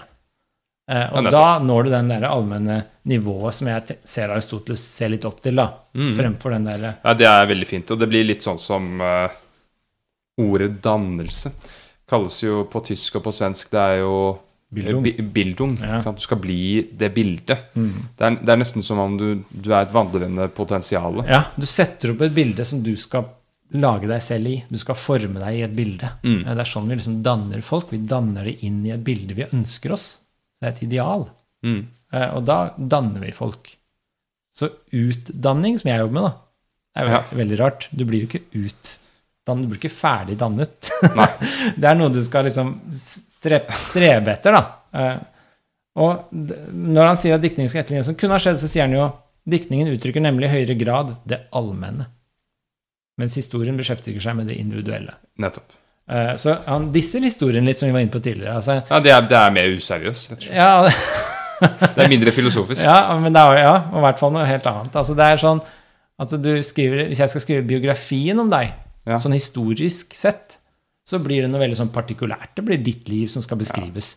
Men når du dikter, så hever du det opp på et nivå hvor du når noe allment som gjør at det, det ikke bare handler om deg, det handler om alle, og vi ser det. det. En god biografiforfatter vil jo kunne trekke frem ting og lage en historie ut av det. Ja. Um, og det, da, da kommer man jo frem til dette her med, med å lage en historie. Hva vil det si å lage en historie? Det er, det er meningsfulle hendelser. Ja. Hendelsesforløp. og som vi var inne på innledningsvis, det er jo ufattelig viktig for mennesker å forstå sin egen historie. Ja. Og forstå at det er en logikk i det, og dette er min historie. Og det tror jeg det var i Parisoteles sin tid mye mer bevissthet rundt. Fordi du hadde begreper som skjebne, f.eks., Mm. som var veldig godt utarbeidet til språket. Dette er min skjebne. Ja. Og da, ja.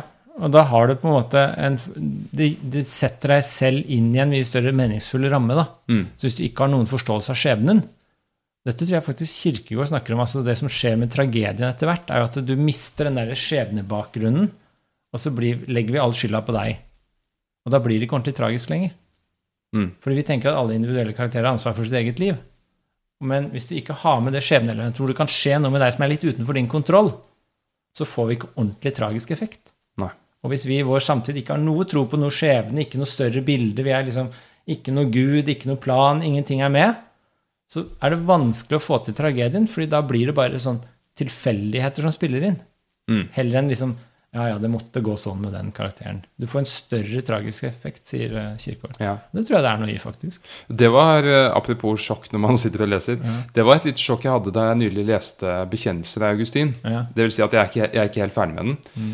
Men et av de største sjokkene da jeg leste den, var på en måte begrunnelsen hans. Hva er det han reagerer på med sitt samfunn og, og den ikke-kristne fortid? Hvorfor er kristendommen viktig? Og da var det særlig dette med at han reagerte på fraskrivelse av ansvar. Kristendommen for Augustin, det var å ta alt ansvaret for, for, eh, for livet sitt på sine egne skuldre. Jeg har skyld i alt.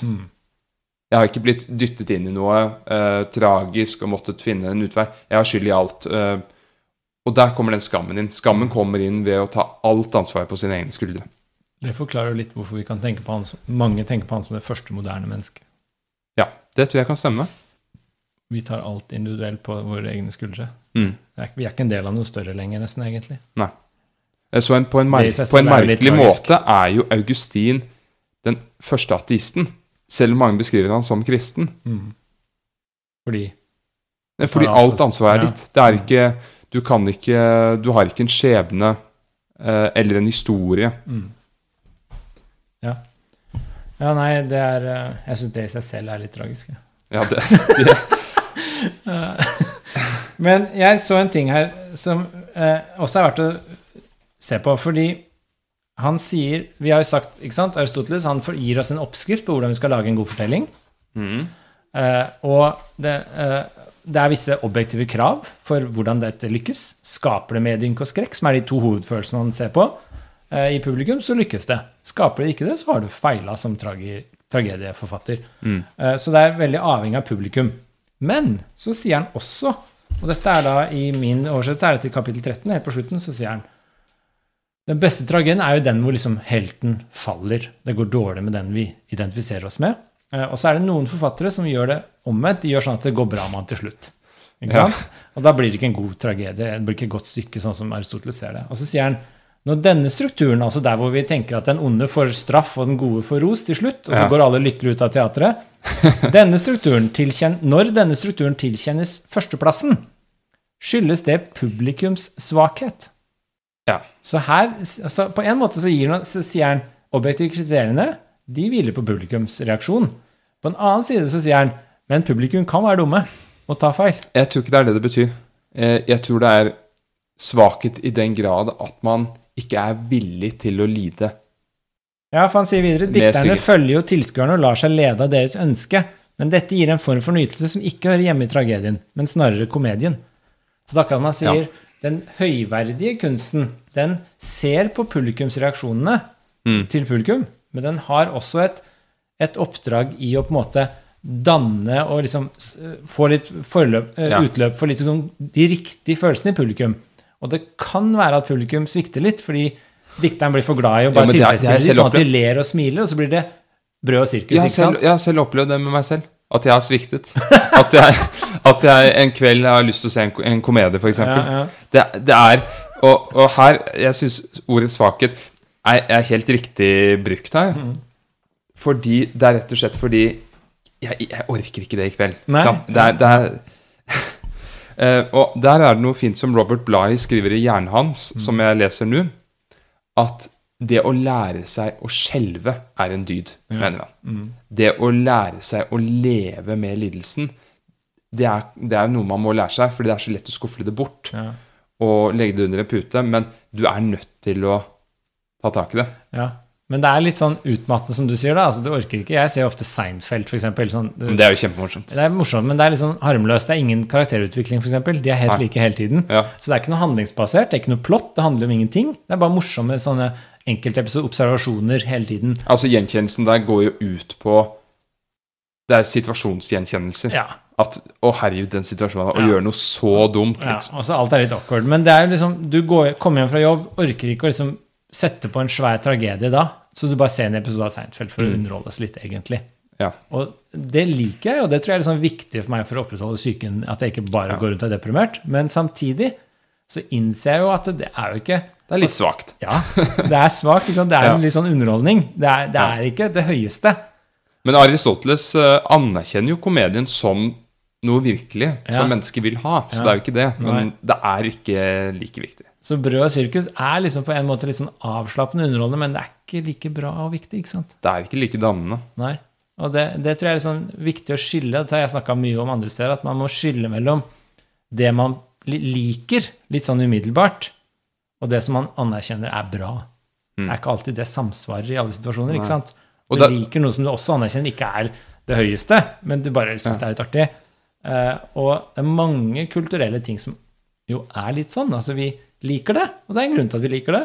Men vi, må, vi bør også anerkjenne at det, dette er jo ikke det høydeste vi kommer. Og da kan vi jo bruke et aristotelisk triks, eh, som han ikke nevner i denne boken, Mm. men som han nevner i eh, etikken, blant annet. Nemlig når, han skal utrede hva som er av det gode, Ja. generelt, men også gode vennskap osv. Og, og da er målstokken, målstokken i veldig stor grad tid. Mm. At det som varer lenge, lenge har større verdi enn det som varer kort. Og den er veldig fin, fordi som du sier, man kan umiddelbart like noe sånn, men liker du det også om ti år? Ja, ja.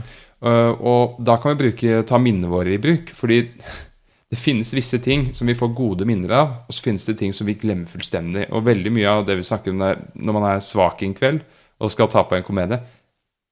Du lagrer ikke minnen, Mm. minneboksen, fordi hjernen din vet at det er uviktig. Mm. Og da må vi jo ta i bruk denne evnen Ja. til å stadig gjøre ting som vi vet vi kommer til å lagre på. Det er jo da vi får et rikt liv. Ja. Så man, det er, ja, jeg er helt enig. Det handler mye om liksom at man har noe å strekke seg etter, og øver seg litt i å strekke seg, og faktisk strekker seg, og så får man et rikere liv enn Mm. man bare umiddelbart blir tilfredsstilt hele tiden. Og bare scrolle litt på telefonen og se en Ja. komedie. Dette her er jo et moderne problem, eller det vil si det er et evig problem, men kanskje et større problem i dag enn noensinne. Ja, jeg tror det. Hva er dine største sånne guilty pleasures? Um, Du er veldig opptatt av klassisk musikk, er du ikke det? Hører, Ja. Setter du noen gang på liksom, hva? popmusikk? Er det sånn at du plutselig står aleine på rommet og hører på Rihanna, så tør du ikke å si ja, det, det er sånn jeg ser meg, jeg ser meg ut. Uh, nei, uh, jeg har nok uh, en del guilty pleasures. Jeg har, jeg har nok scrollet en del på sosiale medier. Ja. Um, det tror jeg er eh, Jeg er helt overbevist om at det er Om at Facebook-teamet og, Instagram-teamet og sånn har laget det nettopp hvor de utnytter menneskers trang. Ja, ja, altså absolutt. Er, de har jo Eh, psykologer så- ansatt for å finne hvordan de skal Ja, fange din oppmerksomhet. Så jeg tror nok at den beste metoden der er å slette det. Mm. Uh, og jeg skal nok slette Facebooken min igjen. Men på en annen side, du fikk jo tak i meg der. Um, jo, men du har drevet gått litt ut og inn, har du ikke det? Altså, jeg, tro, jeg trodde vi var venner, og så plutselig fikk jeg en forespørsel ja, av deg. nei, jeg slettet den i et halvt år, men så, men så startet jeg den igjen pga. et arrangement jeg hadde lyst til å promotere. Oh, ja.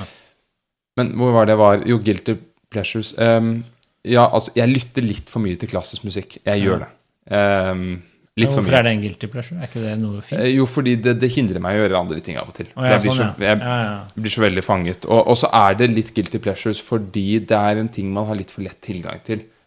Det er ikke Uansett om det er høyverdig å like Brahms og Schumann, så, så, så skal du ikke lytte til symfonier hver dag.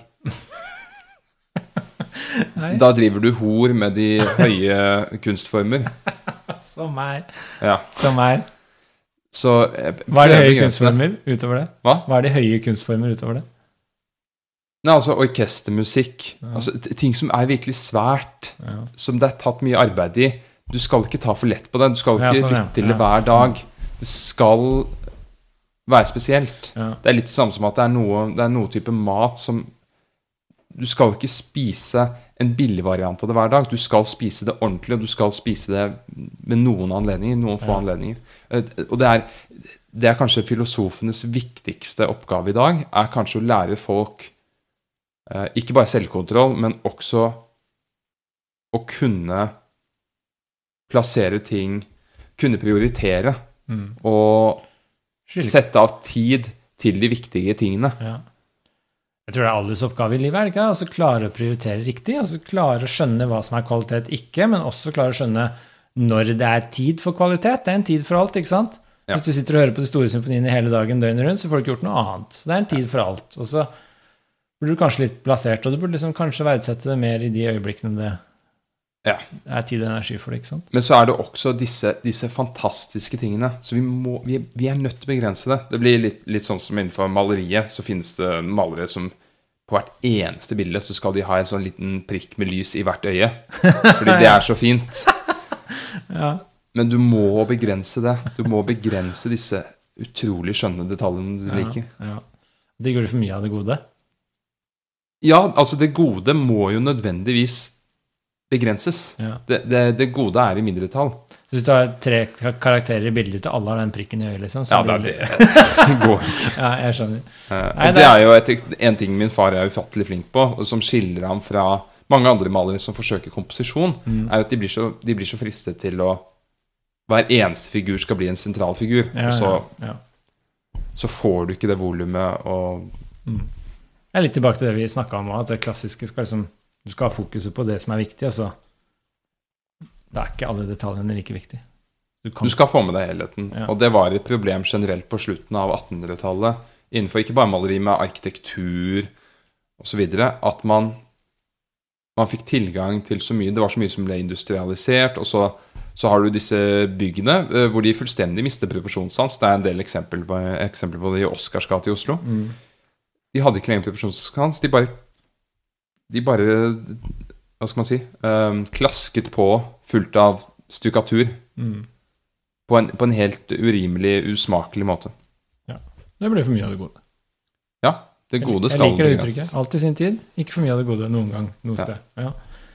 Men eh, jeg lurte på en ting. Og da har du i Aristoteles et annet begrep i boken, Mm. peripeteia. Hvilke begrep var det? Det er det store skiftet. Peripati. ja. Ja. Eh, hvor helten innser 'Å, herregud'. Omslag. Ja, om, omslag ja. Oversettes det med min bok. Ja. Ja. Omslag. veldig tørt og norsk ord, men la gå. Det er godt Eh, ord, syns jeg. jo, men vi kan jo bare Det si slår om. Det er jo det det er. Ja, men, men poenget mitt er at du kan ikke ha for mange peripatier. Nei. For mange omslag. Det er ett omslag. Det er, én peripati i en tragedie. Det er ja. ikke mange. Nei, i epos kan det være litt flere. Ja, og, det, og da, da blir de jo nødvendigvis Ja. mindre viktige. Ja. Fordi Nei, i ett så forteller du om menneskeliv. Du forteller ikke om en Ja. hendelse. Nei, for det skal være en hendelse som har et omslag. Da skal det skje noe hvor du går fra det ene til det andre. Gjerne til det motsatte. ikke sant? Han går fra å være lykkelig til ulykkelig eller et eller annet sånt. Det må være et omslag. Mm. Og så skal det være en gjenkjennelse i det omslaget. helst. Skjebneomslaget. Ja, Så det skal være noe du gjenkjenner. Du skjønner liksom Å, shit, der var omslaget. Sånn som Nødepus skjønner at han har drept foreldra sine, ikke sant? Eller faren Mm. sin. Faren sin gifta seg med mora si. Så er det sånn Å, shit. Ja. det, det er, Eller, eller i Star Wars episode 2, når du har denne kjente kommentaren 'Jeg er din far'. Ja. Det er jo omslaget. Ja, ja. Så det er jo veldig klassisk, og det omslaget skal gjøre liksom at da snur alt, og da Uten det så blir det fort kjedelig. Liksom. Og så er jo poenget der at når dette omslaget eller peripeteiet kommer, så skal det helst være slik at man skjønner Det burde jeg ha skjønt hele tiden. Mm. Det, det lå i kortene. Selvfølgelig er han faren Ja. min. Det er jo det alt dette handler om. Ja. Men jeg tenkte på, jeg skulle spørre om en annen ting, om det der eh, guilty pleasures før vi går videre. Fordi du hører mye på klassisk musikk, vet jeg. Ja. Og hører du aldri på noe annet? Hører du aldri på Nei. rock'n'roll? liksom? Jeg gjør ikke det. Du, kjenner du til noe rock'n'roll i det hele tatt? Jeg satt og tenkte på det når du var på vei opp hit i dag. Jeg, jeg skal høre hva han syns om rock'n'roll. Hva syns Øde egentlig om rock'n'roll? Nei, jeg kjenner ikke noe særlig til det. For det er på en måte et veldig godt eksempel, syns jeg, da, på en Jeg hører jo litt på rock'n'roll, mindre og mindre, skal innrømmes, da. Eh, Jeg klynger meg litt til det fortsatt, men hører en del på rock'n'roll fordi det er et eksempel hvor jeg får veldig forløsning. Altså jeg får veldig sånn katarsis, sånn forløsning. Jeg setter det på, sånn, for det er fullt av energi. Men det som er fascinerende, er at det er veldig sånn umiddelbar energi. ikke sant? Så det er sånn der, men Følelsene er utapå. Alt. Så det kommer rett ut når du hører på bra, da. rock'n'roll. Så kommer følelsene rett ut, og det er veldig sånn energigivende. Men, og det liker jeg med det. Men samtidig så går det ikke an å fordype seg i det. Det går ikke an å liksom gå i, For det er ikke så mye mer å hente, ikke sant? Så det er ikke noe sånn, ikke noe sånn stort studiemateriale. Eh, og det er et sånn godt kjennetegn på forskjellen på kvalitet og ikke. Går det an å fordype seg litt i det? Har det nyanser? Er det noe å jobbe med? Er det noe som du kan forstå bedre? Så det er litt den derre Vi var inne på til å begynne med, den derre Du skal ha en umiddelbar effekt på publikum, men det skal også være en effekt som er litt oppdragende og har noe å jobbe med. Det er også litt sånn jeg ser det. Og rock'n'roll har ikke den derre Ja. oppdragende. Det er mer sånn forløsende energiforløs, men det har ikke noe sånn videre oppdragende effekt som jeg kan jobbe mye med. Og derfor Ja. brukes det til sitt formål liksom, om morgenen for å våkne, men det brukes ikke på ettermiddagen for å fordype seg. Nei. Eh, Og det er, jo, det er jo problemet her. Det blir som dette svenske diktet til denne kvinnelige poeten. Jeg, jeg har glemt, eh, glemt hva hun het, og jeg har glemt diktet, men det er noe som at du søkte Du søkte en sjø- du, Nei, du søkte en kjelle. Du fant et, et hav. mm, Eh, Du søkte Og så er det en regel med flere. Du søkte en kvinne, men fant en menneske. Du er besviken mm, slutter du med. Så poenget her er at du, du finner så mye mer, Mm. men, men du blir besviken når du finner dette store, nettopp fordi det krever så mye av deg. ja. Uh, Så kanskje et rockestykke, ikke for mitt vedkommende nødvendigvis, men kanskje et rockestykke kan glede deg mer i begynnelsen enn et klassisk stykke. Ja. Og kanskje du blir litt besviken, som man sier i Sverige, Mm. ved dette klassiske stykket, for det krever så mye av deg. Ja.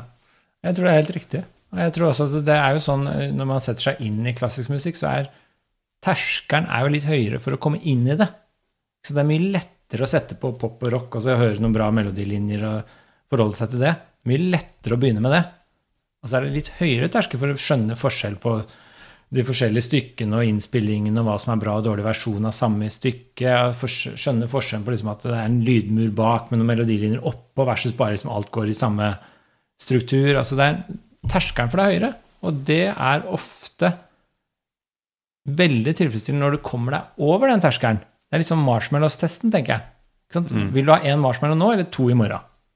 Det er symbolet på om du liksom er villig til å legge inn en liten kjip innsats for å få noe mye bedre. Ja. Eh, og det er litt sånn jeg tenker med klassisk musikk også. Altså, det er jo mye mer nyansert og fordypende og, og ærverdig og ideal å strekke seg etter og flottere og fantastisk menneskelig streben enn å bare spille rå rock'n'roll. Her kommer vi jo inn i et problem, og det er når noen intellektuelle innenfor musikk for eksempel, mener at du skal strekke deg opp til å like Schönberg. Eller Mm. Eller er moderni- komponister. Eh, og da utnytter de denne problematikken. Ja. Dette med nettopp det at det er noen ganger man må strekke seg. Og så kan de påstå ja, du liker ikke dette, fordi du er ikke nådd opp til dette nivået ennå. Mm.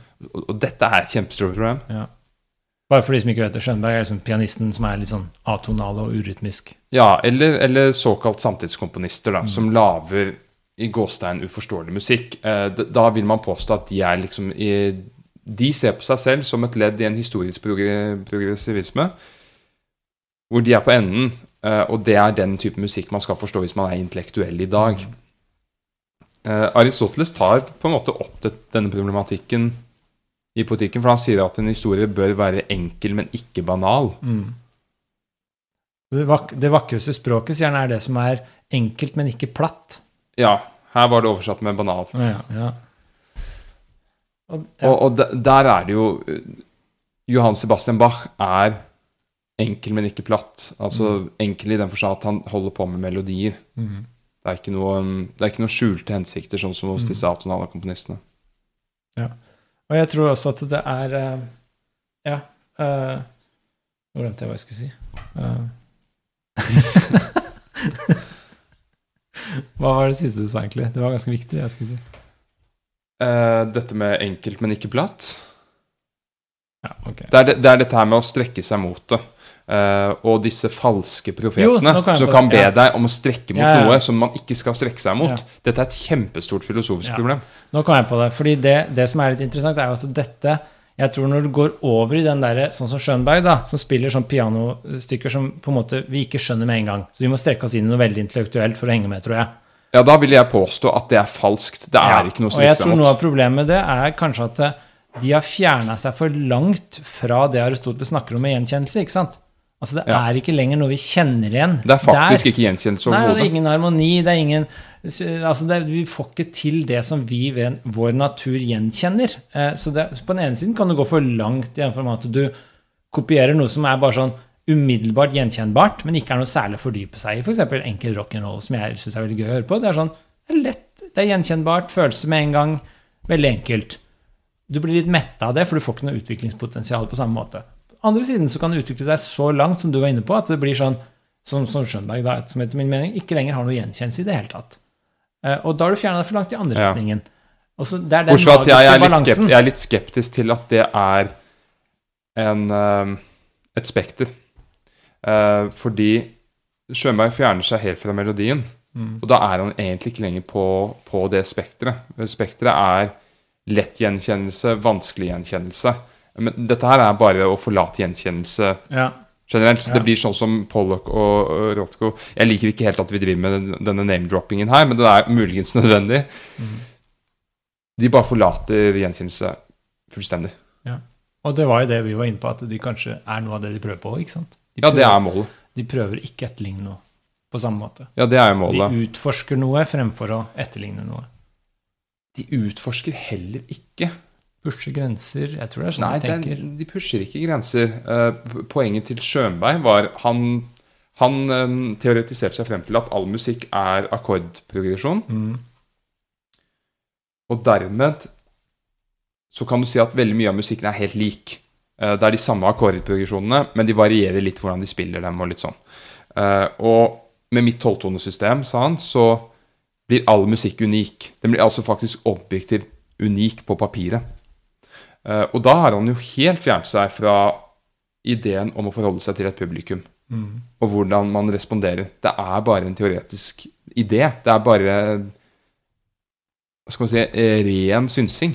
Ja. Og også ideen som ligger til grunn bak abstraktmaleri og konseptualisme, at man, man prøver ut å lage noe fra ingenting.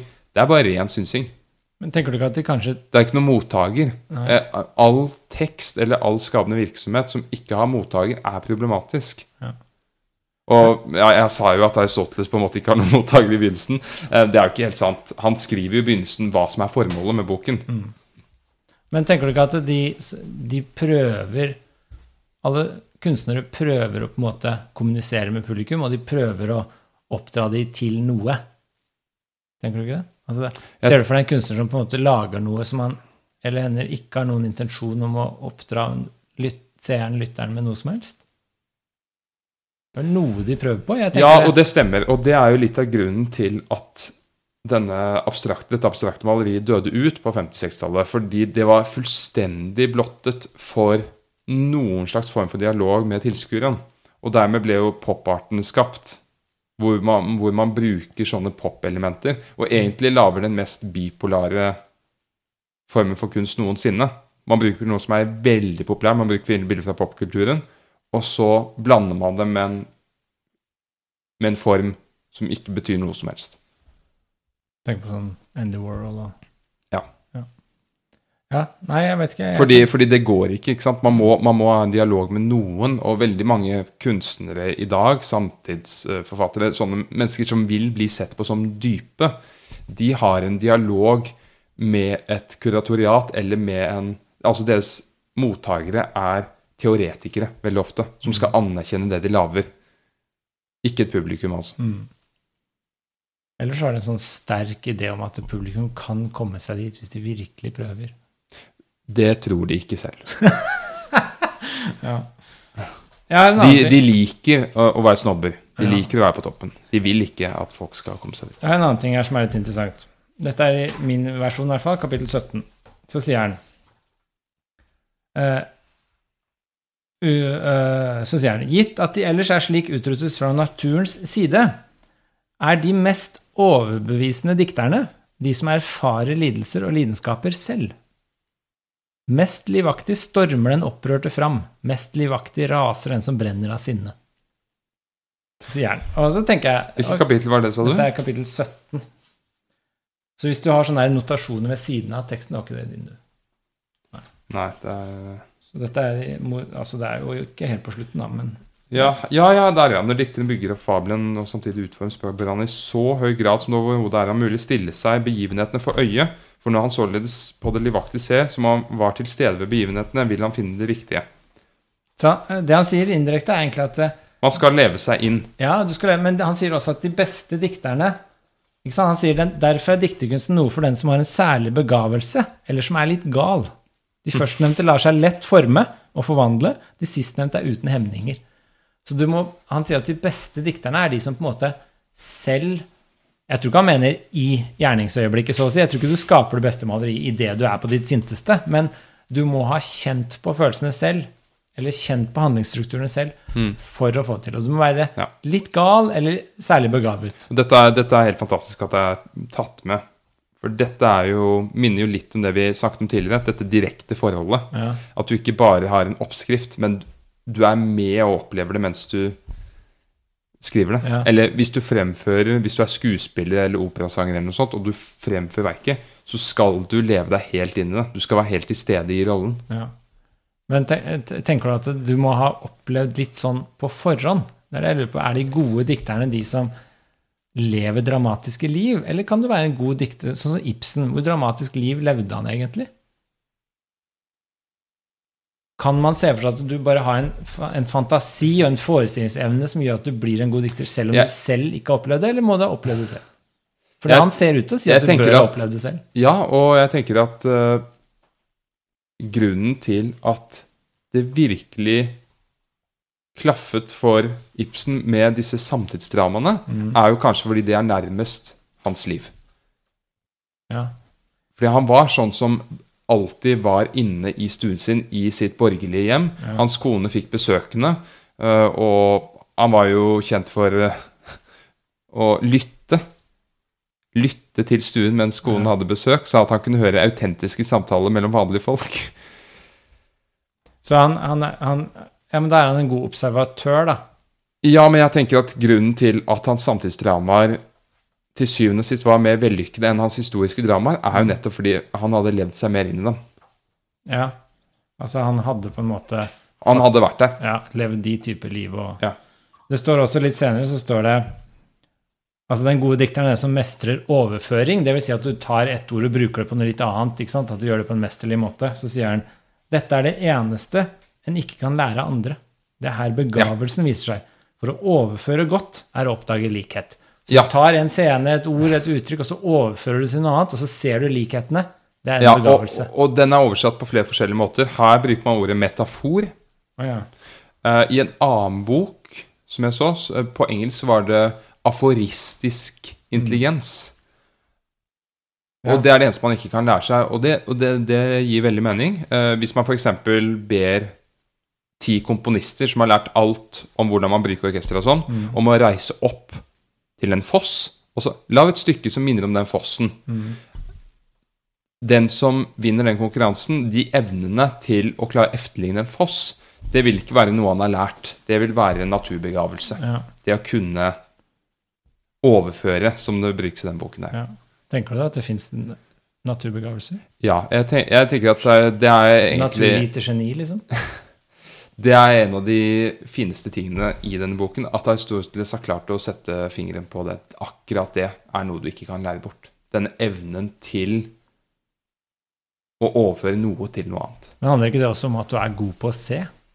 Altså En ting er å se rundt seg, men en annen ting er å virkelig se etter. Altså Du, du observerer ting. Ja, det tror jeg. Men jeg tror det finnes ulike, ulike naturgitte begavelser. Noen er flinke til å overføre det visuelle, noen er flinkere med det verbale. Ja.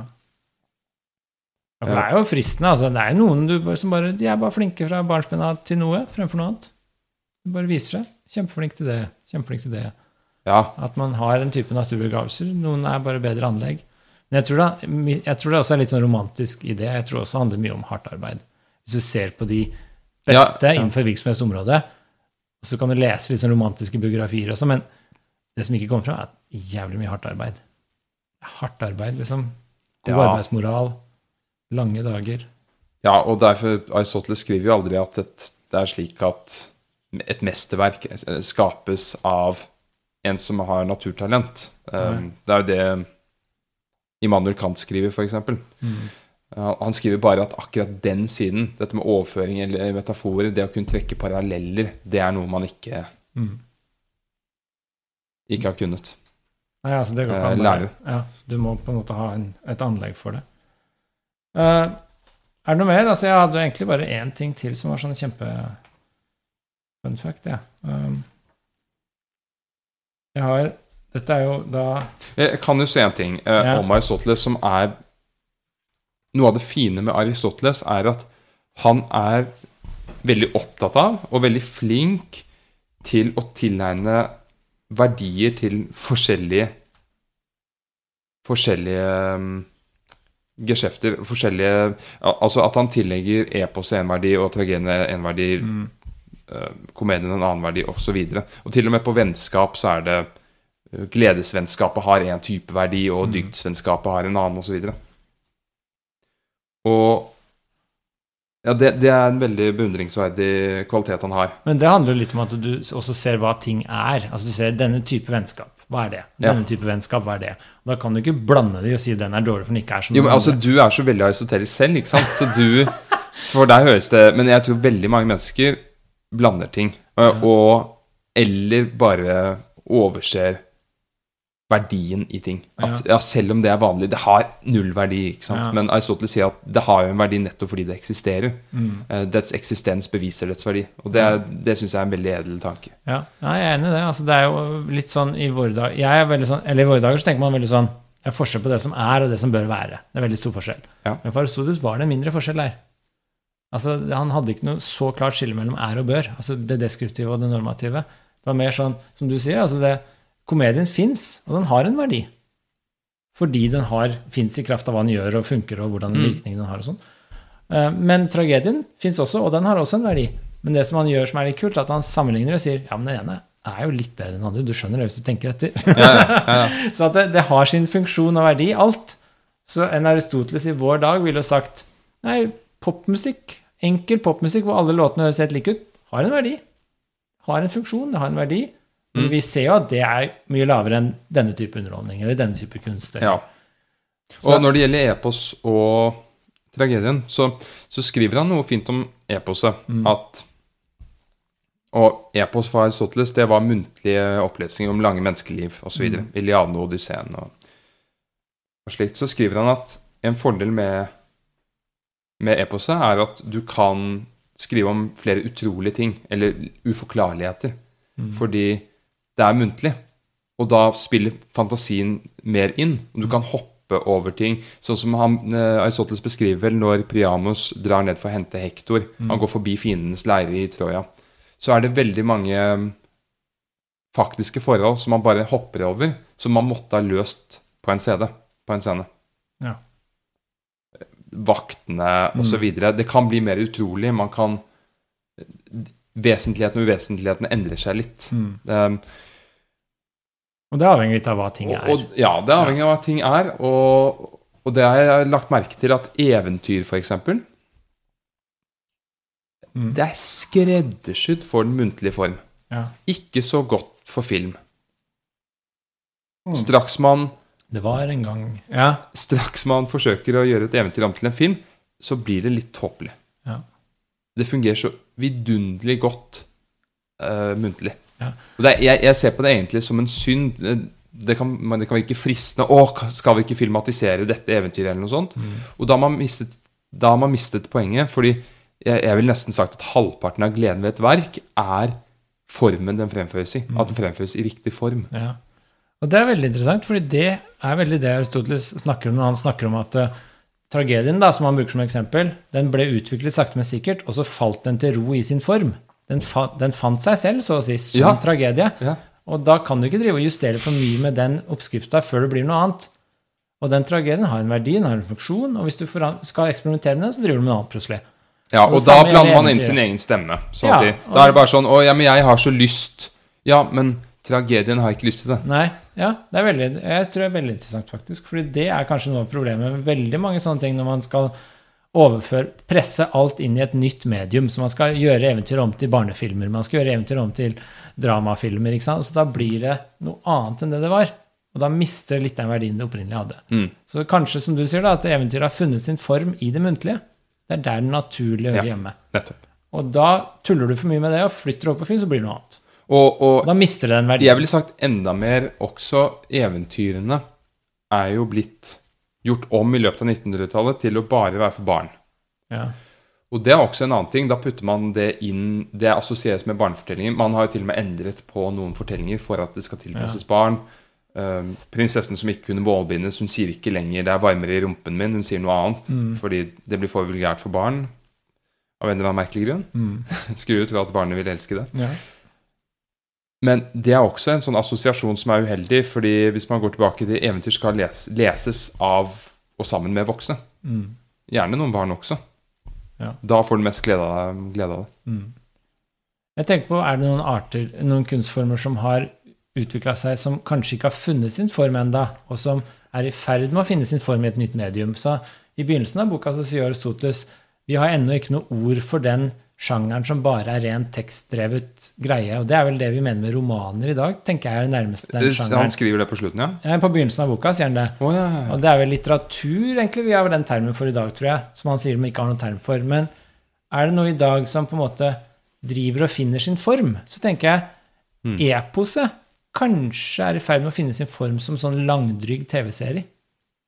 ja og sånn Sopranos, Og det deler jo- sånn som det deler jo alt. 1883, disse seriene som er sånne lange eposer, de er jo Det, er, det, er, det føler ikke er unaturlig å overføre til et filmmedium. mm.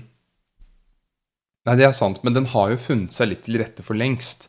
Uh, hvis, jeg mener heller at hvis man går utenfor poesien, så kan man si at sosiale medier og internett har ikke helt funnet sin form, Nei, tror jeg. Uh, det er så mange problemer med det. ja. Jeg kjenner flere mennesker som har problemer med å svare på mailer, som syns det er problematisk med at seriøse henvendelser blandes med private, Ja, osv. Hva sa du? Jeg syns det er kjempeproblematisk. Ja. Ja, det er kjempeproblematisk, og den har på en måte ikke funnet sin form. Klarer ikke å svare på e-poster. Ja, Den har ikke funnet sin form. nei. nei, det er sant. Det er litt, Eh, Og dessverre så foregår det såpass mye manipulasjon på det feltet ja. at det vil nok ta en tid før den finner sin form. Mm, Kanskje et halvt århundre. ja. Nei, det er et veldig godt poeng, tror jeg. Uh, internettet som generelt var jo egentlig startet, ble jo starta opp som et sånn kjempedemokratisk på grensen til anarkistisk fenomen. Nå skulle all informasjon til alle. Nå skulle alle få tilgang til alt. Nå skulle det ikke være bare noen få som hadde tilgang lenger. Så det var ideologien bak internettet når det ble starta opp. Og så ble det jo fort sånn at det funka ikke sånn i det hele tatt. Nå er det jo det største manipulative mediet som fins. Så det ble jo ikke den derre alle skal få fri tilgang til alt. Det ble mer sånn hvordan skal vi manipulere folk til å få den informasjonen vi vil Ja. gi dem. Eh, Så det, det har jo ikke funka. Det har jo ikke blitt noe mer demokrati og frihet ut av internettet. Tvert imot, vil jeg på nesten påstå. Mm. Det har blitt mindre. Nei. Og det, da går man jo inn Så da har det ikke funnet sin form, da. Nei, og da går man jo inn på noe annet som ikke har funnet sin form. At forholdet mellom stat og big business har et problem i vår tid med de nye store næringene. Tech-næringene, IT og, og sånn, har på en måte ikke funnet seg til rette i ekteskapet sitt ennå. Du har, du har jo, det er jo fullstendig absurd at en som produserer poteter, må betale full skatt, mens det må ikke dit til selskap, f.eks. Ja, nei, jeg er helt enig. Og disse tingene kom, driver jo folk og streber med å prøve å få til å falle naturlig på plass. da. Sånn skjermbruk blant barn, for eksempel, som er noe jeg har drivet og tenkt litt på, skrevet litt om, er jo sånn, sånn Skjermbruk i skolen har jo ikke funnet sin form. Det er jo helt kaotisk. Så Det er fritt frem med skjermbruk blant barn, f.eks. Mm. Så det er mange, kanskje det er en sånn nyttig lærdom Og det syns, det syns jeg også er. Ja, men det er jo også veldig unaturlig på mange måter. fordi på, på skolen skal man jo oppleve ting man ikke opplever hjemme. Ja. Det ligger jo en verdi i det. Ja. Hva er poenget med å dra et sted hvis det er helt likt som ditt eget? Ja. Hva er, hva er poenget med å dra til Spanien hvis det er helt likt som Norge? Ja, Og de har tilgang til skjermer hjemme. mm. Så, så den Det er på en måte det skillet mellom privat og offentlig og utdanningssted og kosested. Hva, Mm. hva er det som foregår?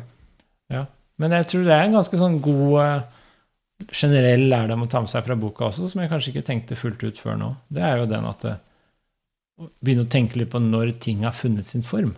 Mm. Har det falt til ro, liksom, i det det skal være? Som det det er ment å være. Mm. Tragedien har gjort det. Og ting tidspunkt. blomstrer jo når det har funnet sin form. Ja.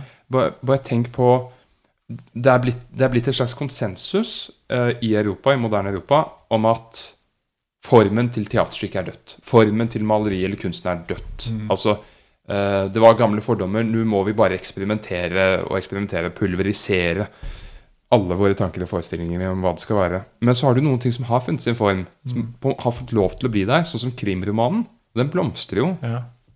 Du har jo sånne stjerner innenfor krimmen som skriver Mm. bøker etter bøker, og folk liker å lese det. Man kan diskutere kvaliteten Mm. på det, men det har funnet sin form. Ja. Og ironisk nok så er det jo Krim baserer seg veldig mye på eh, overraskelsesmomenter. Mm. Hver bok er sånn hvem, hvem er det? Who is it? Who done it? Som er mm, det amerikanerne kaller den sjangeren. Mm. Men det, det ironiske er jo at man leser jo nettopp for å treffe detektiven, den samme detektiven hver gang. Man vil ha den gjentagelsen. Ja. Så det er en sånn motstridende, motstridenhet, men som fungerer som en form. Og det gir, altså det går an å ha litt sånn overraskende elementer i den, selv om formen har funnet seg selv. Så har man litt overraskende tvister her og der og nyanser og sånn som er forskjellige fra bok til bok. Så det er spillerom innenfor sjangeren, selv om man har funnet sin form. Mm. Uh, og det er noe sånn betryggende med det å gå og se en utstilling eller gå og lese en bok, og så vet du hva det er du går til. Ja. Og så vet du at det skal Hvordan løser vi det i denne boka? Men vi vet også at det, det blir ikke noe helt annet. Det er noe veldig sånn betryggende og identitetsskapende tror jeg også med det. Å finne den, Ja. og gå til den kulturbiten som du liker, og vet hvordan funker, og så se på nyansene i det. Innenfor det du, som er litt sånn trygge rammer. da.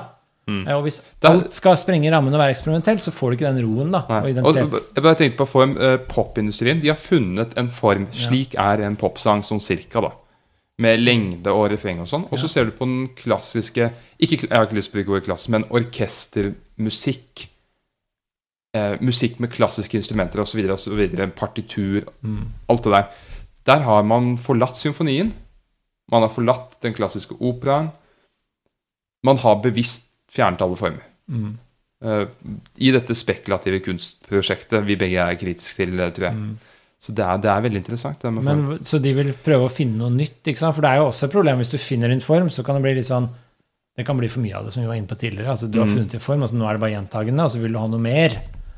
Men det er Ja. veldig sånn klokt Et av mine favorittsitater fra Nietzsche er at han sier mange kunstnere bør hver for seg mange ganger utforske det samme materialet, den samme Mm. hendelsen, den samme tingen. For det er først da du kommer under overflaten. Mm. Så hvis alle bare utforsker én ting hver for seg én gang, Ja. så scratcher du bare overflater hele tiden. Ja. Men når du virkelig liksom jobber med en ting, jobber deg ned i dybden, og du har rammene, og du perfeksjonerer, så får du komme deg mye lenger ned i dybden av noe. Det er veldig interessant. Og da vet du også bedre hvordan du skal bedømme det, for du har rammene å forholde deg til. Men hvis alle gjør noe nytt hver gang, så har du ikke noe Hvordan skal jeg bedømme det her? Ja, det var nytt, spennende, gøy, ok, men det sier så lite. Det er helt riktig. Man trenger en inngang. Erkjennelsens Det er sikkert mange hulinger til erkjennelsen, Mm. men noen av de er åpnet allerede, så gå inn i de. Uh, og det du nevner der, minner meg om noe Nietzsche skriver i den boken vi har snakket om å ta en samtale over, nemlig 'Fremtiden til våre dansesinstitusjoner', Mm. hvor han på et vis konkluderer med at man skal finne en læremester, og man skal dedikere seg fullt og helt til ham. Ja. Ik ikke, ikke planlegg å gå imot ham, Mm. eller komme med dine egne ting. Gå helt inn i det. Mm. Fordi det er en klisjé eh, som blir brukt veldig mye innenfor skapende virksomhet. Lær deg reglene, og så bryt dem. Ja, Men problemet med det utsagnet er at du spekulerer i å planlegge å bryte dem. ja. Og da bryter du dem på helt feil premisser. Du bryter dem pga. en sånn stolthet over at jeg bør være en slik person som bryter dem. Du bryter dem ikke fordi du faktisk oppriktig er uenig. Nei. Så du bør først sette deg, gå liksom all in, sette deg Ja. inn i det, jobbe deg ned i materialet, uten noen annen intensjon enn å gjøre akkurat det. Ja. Og hvis så du, hvis, hvis du føler på Ja. det etter å ha lært det nok Det er noe jeg ikke er helt enig i her. ja, Så kan vi snakke om det. ja. Det er veldig eh, Det er, det er kloke ord, eh, Herr Neidrum. Jeg syns det er bra. Altså, bare sånn for å relatere det ned på det jordnære. Altså, jeg begynte jo seriøst å skulle lære meg tegning for noen år siden, og da gikk jeg all in for sånn akademisk tegning. Jeg skal lære meg håndverket. Jeg skal bli skikkelig god på å tegne. Og så gjør du det, ikke sant? men etter hvert så skjønner du at ja, jeg må litt videre. Jeg kan ikke stagnere her. Eh, eh, kan, fordi det blir så Det blir liksom bare sånn Du tegner noe, så er det et bilde av noe, og så Ja, det var det. Det er nettopp det. Du kan Det er komme ikke noe lenger. nytt. Nei. Det er videre. Det er som eh, en historie som Aristoteles snakker om. Det er progresjon. Du skal ikke til noe nytt. Du Nei. skal videre Ja. der historien ber deg om å gå. Ja, og det er litt sånn det med akademisk. Jeg synes det er litt sånn det Det kommer seg på en måte ikke videre dit til det dypere vi egentlig ønsker, nemlig liksom å trenge gjennom bare den derre bra avbildningen, men heller den derre fange noe evig sånn eksempel et portrett. Jeg skal ikke bare lage en akademisk tegning av deg, jeg skal lage en tegning av deg som er en tegning av deg, men som i tillegg uttrykker liksom et menneskelig aspekt og hele mennesket. Da har jeg kommet meg videre. Mm. Og det føler jeg kanskje ikke det akademiske tegninga har fått sin, funnet seg selv i. da. Altså det, ikke, det, er det, med, det er ikke det som trengs for å komme dit. Eller det er ikke det man kan bruke for å komme dit. Da må man litt videre. Mm. Det ble sikkert veldig abstrakt for folk som ikke driver med det her, men Nei, men, at- Men skjønner du hva jeg mener? Altså- 1800-tallet og de akademiske institusjonene både for maleri og for musikk og mer er problematisk på mange måter. Eh, når du ser at de største komponistene og malerne hadde som regel bare én mester, ja. og ikke ikke, ikke dette akademiet Ja. med forskjellige læremestere og den ene tiltenkte formen. Mm. Det, det, det ble ikke ja, altså, eh, Rembrandt hadde Lastmann, Peter Lastmann, og i de første årene så malte han akkurat som Lastmann. Mm. Så, og så gikk han videre. Men det akademiske blir litt for generelt igjen. Du Ja. går ikke nok inn i én ting. Du skal lære deg Du skal lære deg en sånn idé om en universell form. Men det er et annet poeng som Blake Snyder kommer med i sin bok 'Save the Cat', som igjen er en aristoteliker, Mm. at du finner det universelle i det partikulære. ja. At du laver, en, hvis du prøver å lage en film om hele verden, hele verdenshistorien, Mm. så blir den veldig ikke-universell. Ja, ja, absolutt. Mens hvis du lager en historie om en fyr som arbeider i en barnehage i en liten dansk by, Mm. 'Jakten' av Winterberg, hvis du har sett den, Nei. det er en helt fantastisk film. En liten historie i en liten by, Mm. da når du det universelle. Det er derfor bare sånn noe så enkelt som Prøysen. Hvorfor er det Prøysen funker så veldig bra? Jo, det er fordi han lager en veldig enkel fortelling om en lite par som driver og lager seg en sti inn til huset, f.eks., og så blir den stien noe mye mer generelt og allment symbol for, og så funker det veldig bra som en sånn Mm. allmenn fortelling. Og dette er jo det egentlig dannelse også handler om, da, som vi var inne på tidligere. Det handler jo om denne evnen til å heve blikket. Du tar noe partikulært, og så hever du det opp på noe generelt. Mm. Så ser du at det partikulære er en del av noe generelt. Ja. Og så evner du å gå mellom de to. Så du sitter og spiser middag, og så ser du at du spiser pent med kniv og gaffel. Så er det en dannelseselement i det, fordi du skjønner at de som gjør det, da blir middager som fenomen mye mer ordna og strukturert. Så kan du ha en samtale enn hvis alle bare satt og gomla med hendene og grisa. Og, og så skjønner man at det, forholdet mellom de to det er ikke så viktig kanskje i det ene måltidet at det blir litt gris, men som generelt regel så hever man blikket og skjønner litt dannelse når man spiser, f.eks. Etikette. Det er et dannelseselement, symbol på det, fordi det gjør at det generelt funker mye bedre. Vi skjønner at det er en del av noe større. Det er et sånn danseselement på veldig sånn jordnært nivå. da. Og Det er jo det de store danseskunstnerne nå gjør. ikke sant? De hever blikket, ser noe mer generelt ut fra det partikulære, og omvendt. Ja, nettopp. Nei, omvendt blir problematisk. Du Ja. må starte med det partikulære og gjøre det universelt. Ja, men du må også ikke la det universelle frikoble seg helt fra det partikulære. For da, da blir det ikke noe danseselement, for da kjenner ikke folk seg igjen lenger. Nei, Det er nettopp derfor du må starte med det partikulære, Ja, det kan være at og universalisere det. Ja, Du starter med én enkel historie, ja, og så hever du den enkle historien til å bli universell. ja. Fordi Problemet som Blake Snyder skriver, som er en aristoteliker, er hvis du starter med det universelle, hva skal du gjøre? Du blir nødt til å dra det universelle ned i det partikulære, og da mister du kontakten. Ja, nei, helt enig. Du kan starte med det partikulære, men du må også, når du hever det opp på det generelle, så må du også skjønne at det generelle kan appellere til flere partikulære ting. Ja, Så du må jobbe litt frem og tilbake. Men jeg tenkte på Carl Gustav Jung, som var en psykolog, og som egentlig, hvis tankegods, er veldig i nærheten av det vi snakker om her. Ja. Eh, veldig mye av det handler om gjenkjennelse. Eh, og ja, psykologisk velvære i og for seg handler om gjenkjennelse. Han hadde et kurs i Zürich hvor han bare tok imot mennesker som hadde vært vellykket på et annet felt enn psykologi. Altså ikke ville ta imot mennesker som bare var interessert i psykologi, fordi de har ikke klart å grunne det i noe konkret noe. Så han kunne ta imot folk som var malere, han kunne ta imot eh, forfattere eller folk som hadde startet et firma. Fordi fra dette konkrete jordlige så kan det vokse en litt sånn organisk psykologisk forståelse. Mm. Folk som er bare opptatt av psykologi, det blir fullstendig synsete. Ja, nei, Det er litt det samme poenget, at du må jobbe deg frem og tilbake og se hvordan de forholder seg til hverandre, det allmenne og det partikulære. Men ja, det var jo veldig bra å komme inn på dannelse, fordi eh, Er det forresten noe mer spesifikt opp i hjertet her nå? Uh, nei, jeg bare tenkte på bokens konklusjon. Ja. Dette med epose og tragedien. Nå har vi for så vidt vært inne på det, ja. men han det, sier hvor er du nå? Helt siste kapittel? Det er helt på slutten. Mm. Han sier at tragedien når efterligningens hensikt og mål innenfor et mindre omfang enn epose. Mm. Og det kunne stått menn her, men det konsentrerte gir større nydelse enn det langtrukne. Og så skriver han helt på slutten det blir klart at tragedien må være bedre enn epose, siden den bedre når det som er diktverkets mål og hensikt. Ja. Og det er altså å gi publikum nydelse. Ja, altså en slags eh, gjenkjennelse, nytelse, men eh, også forløsning, da. Altså i skrekk og medynk er veldig viktig. Så en, Ja, du du må få en jo- nytelse i skrekk og medynk-følelsen din. Han er inne på det at, at uh, e-poster kanskje er for et mer dannet publikum. At det kanskje er litt mer høyverdig. Er Man sier at e-poster henvender seg til et dannet publikum som ikke har bruk for ytre bevegelser. Man sier uansett at tragedien kanskje er for de udannede, og at tragedien er vulgær. Man sier at tross at e-poster er litt mer intellektuell, så er tragedien bedre, nettopp fordi det når bedre ut til publikum. Ja.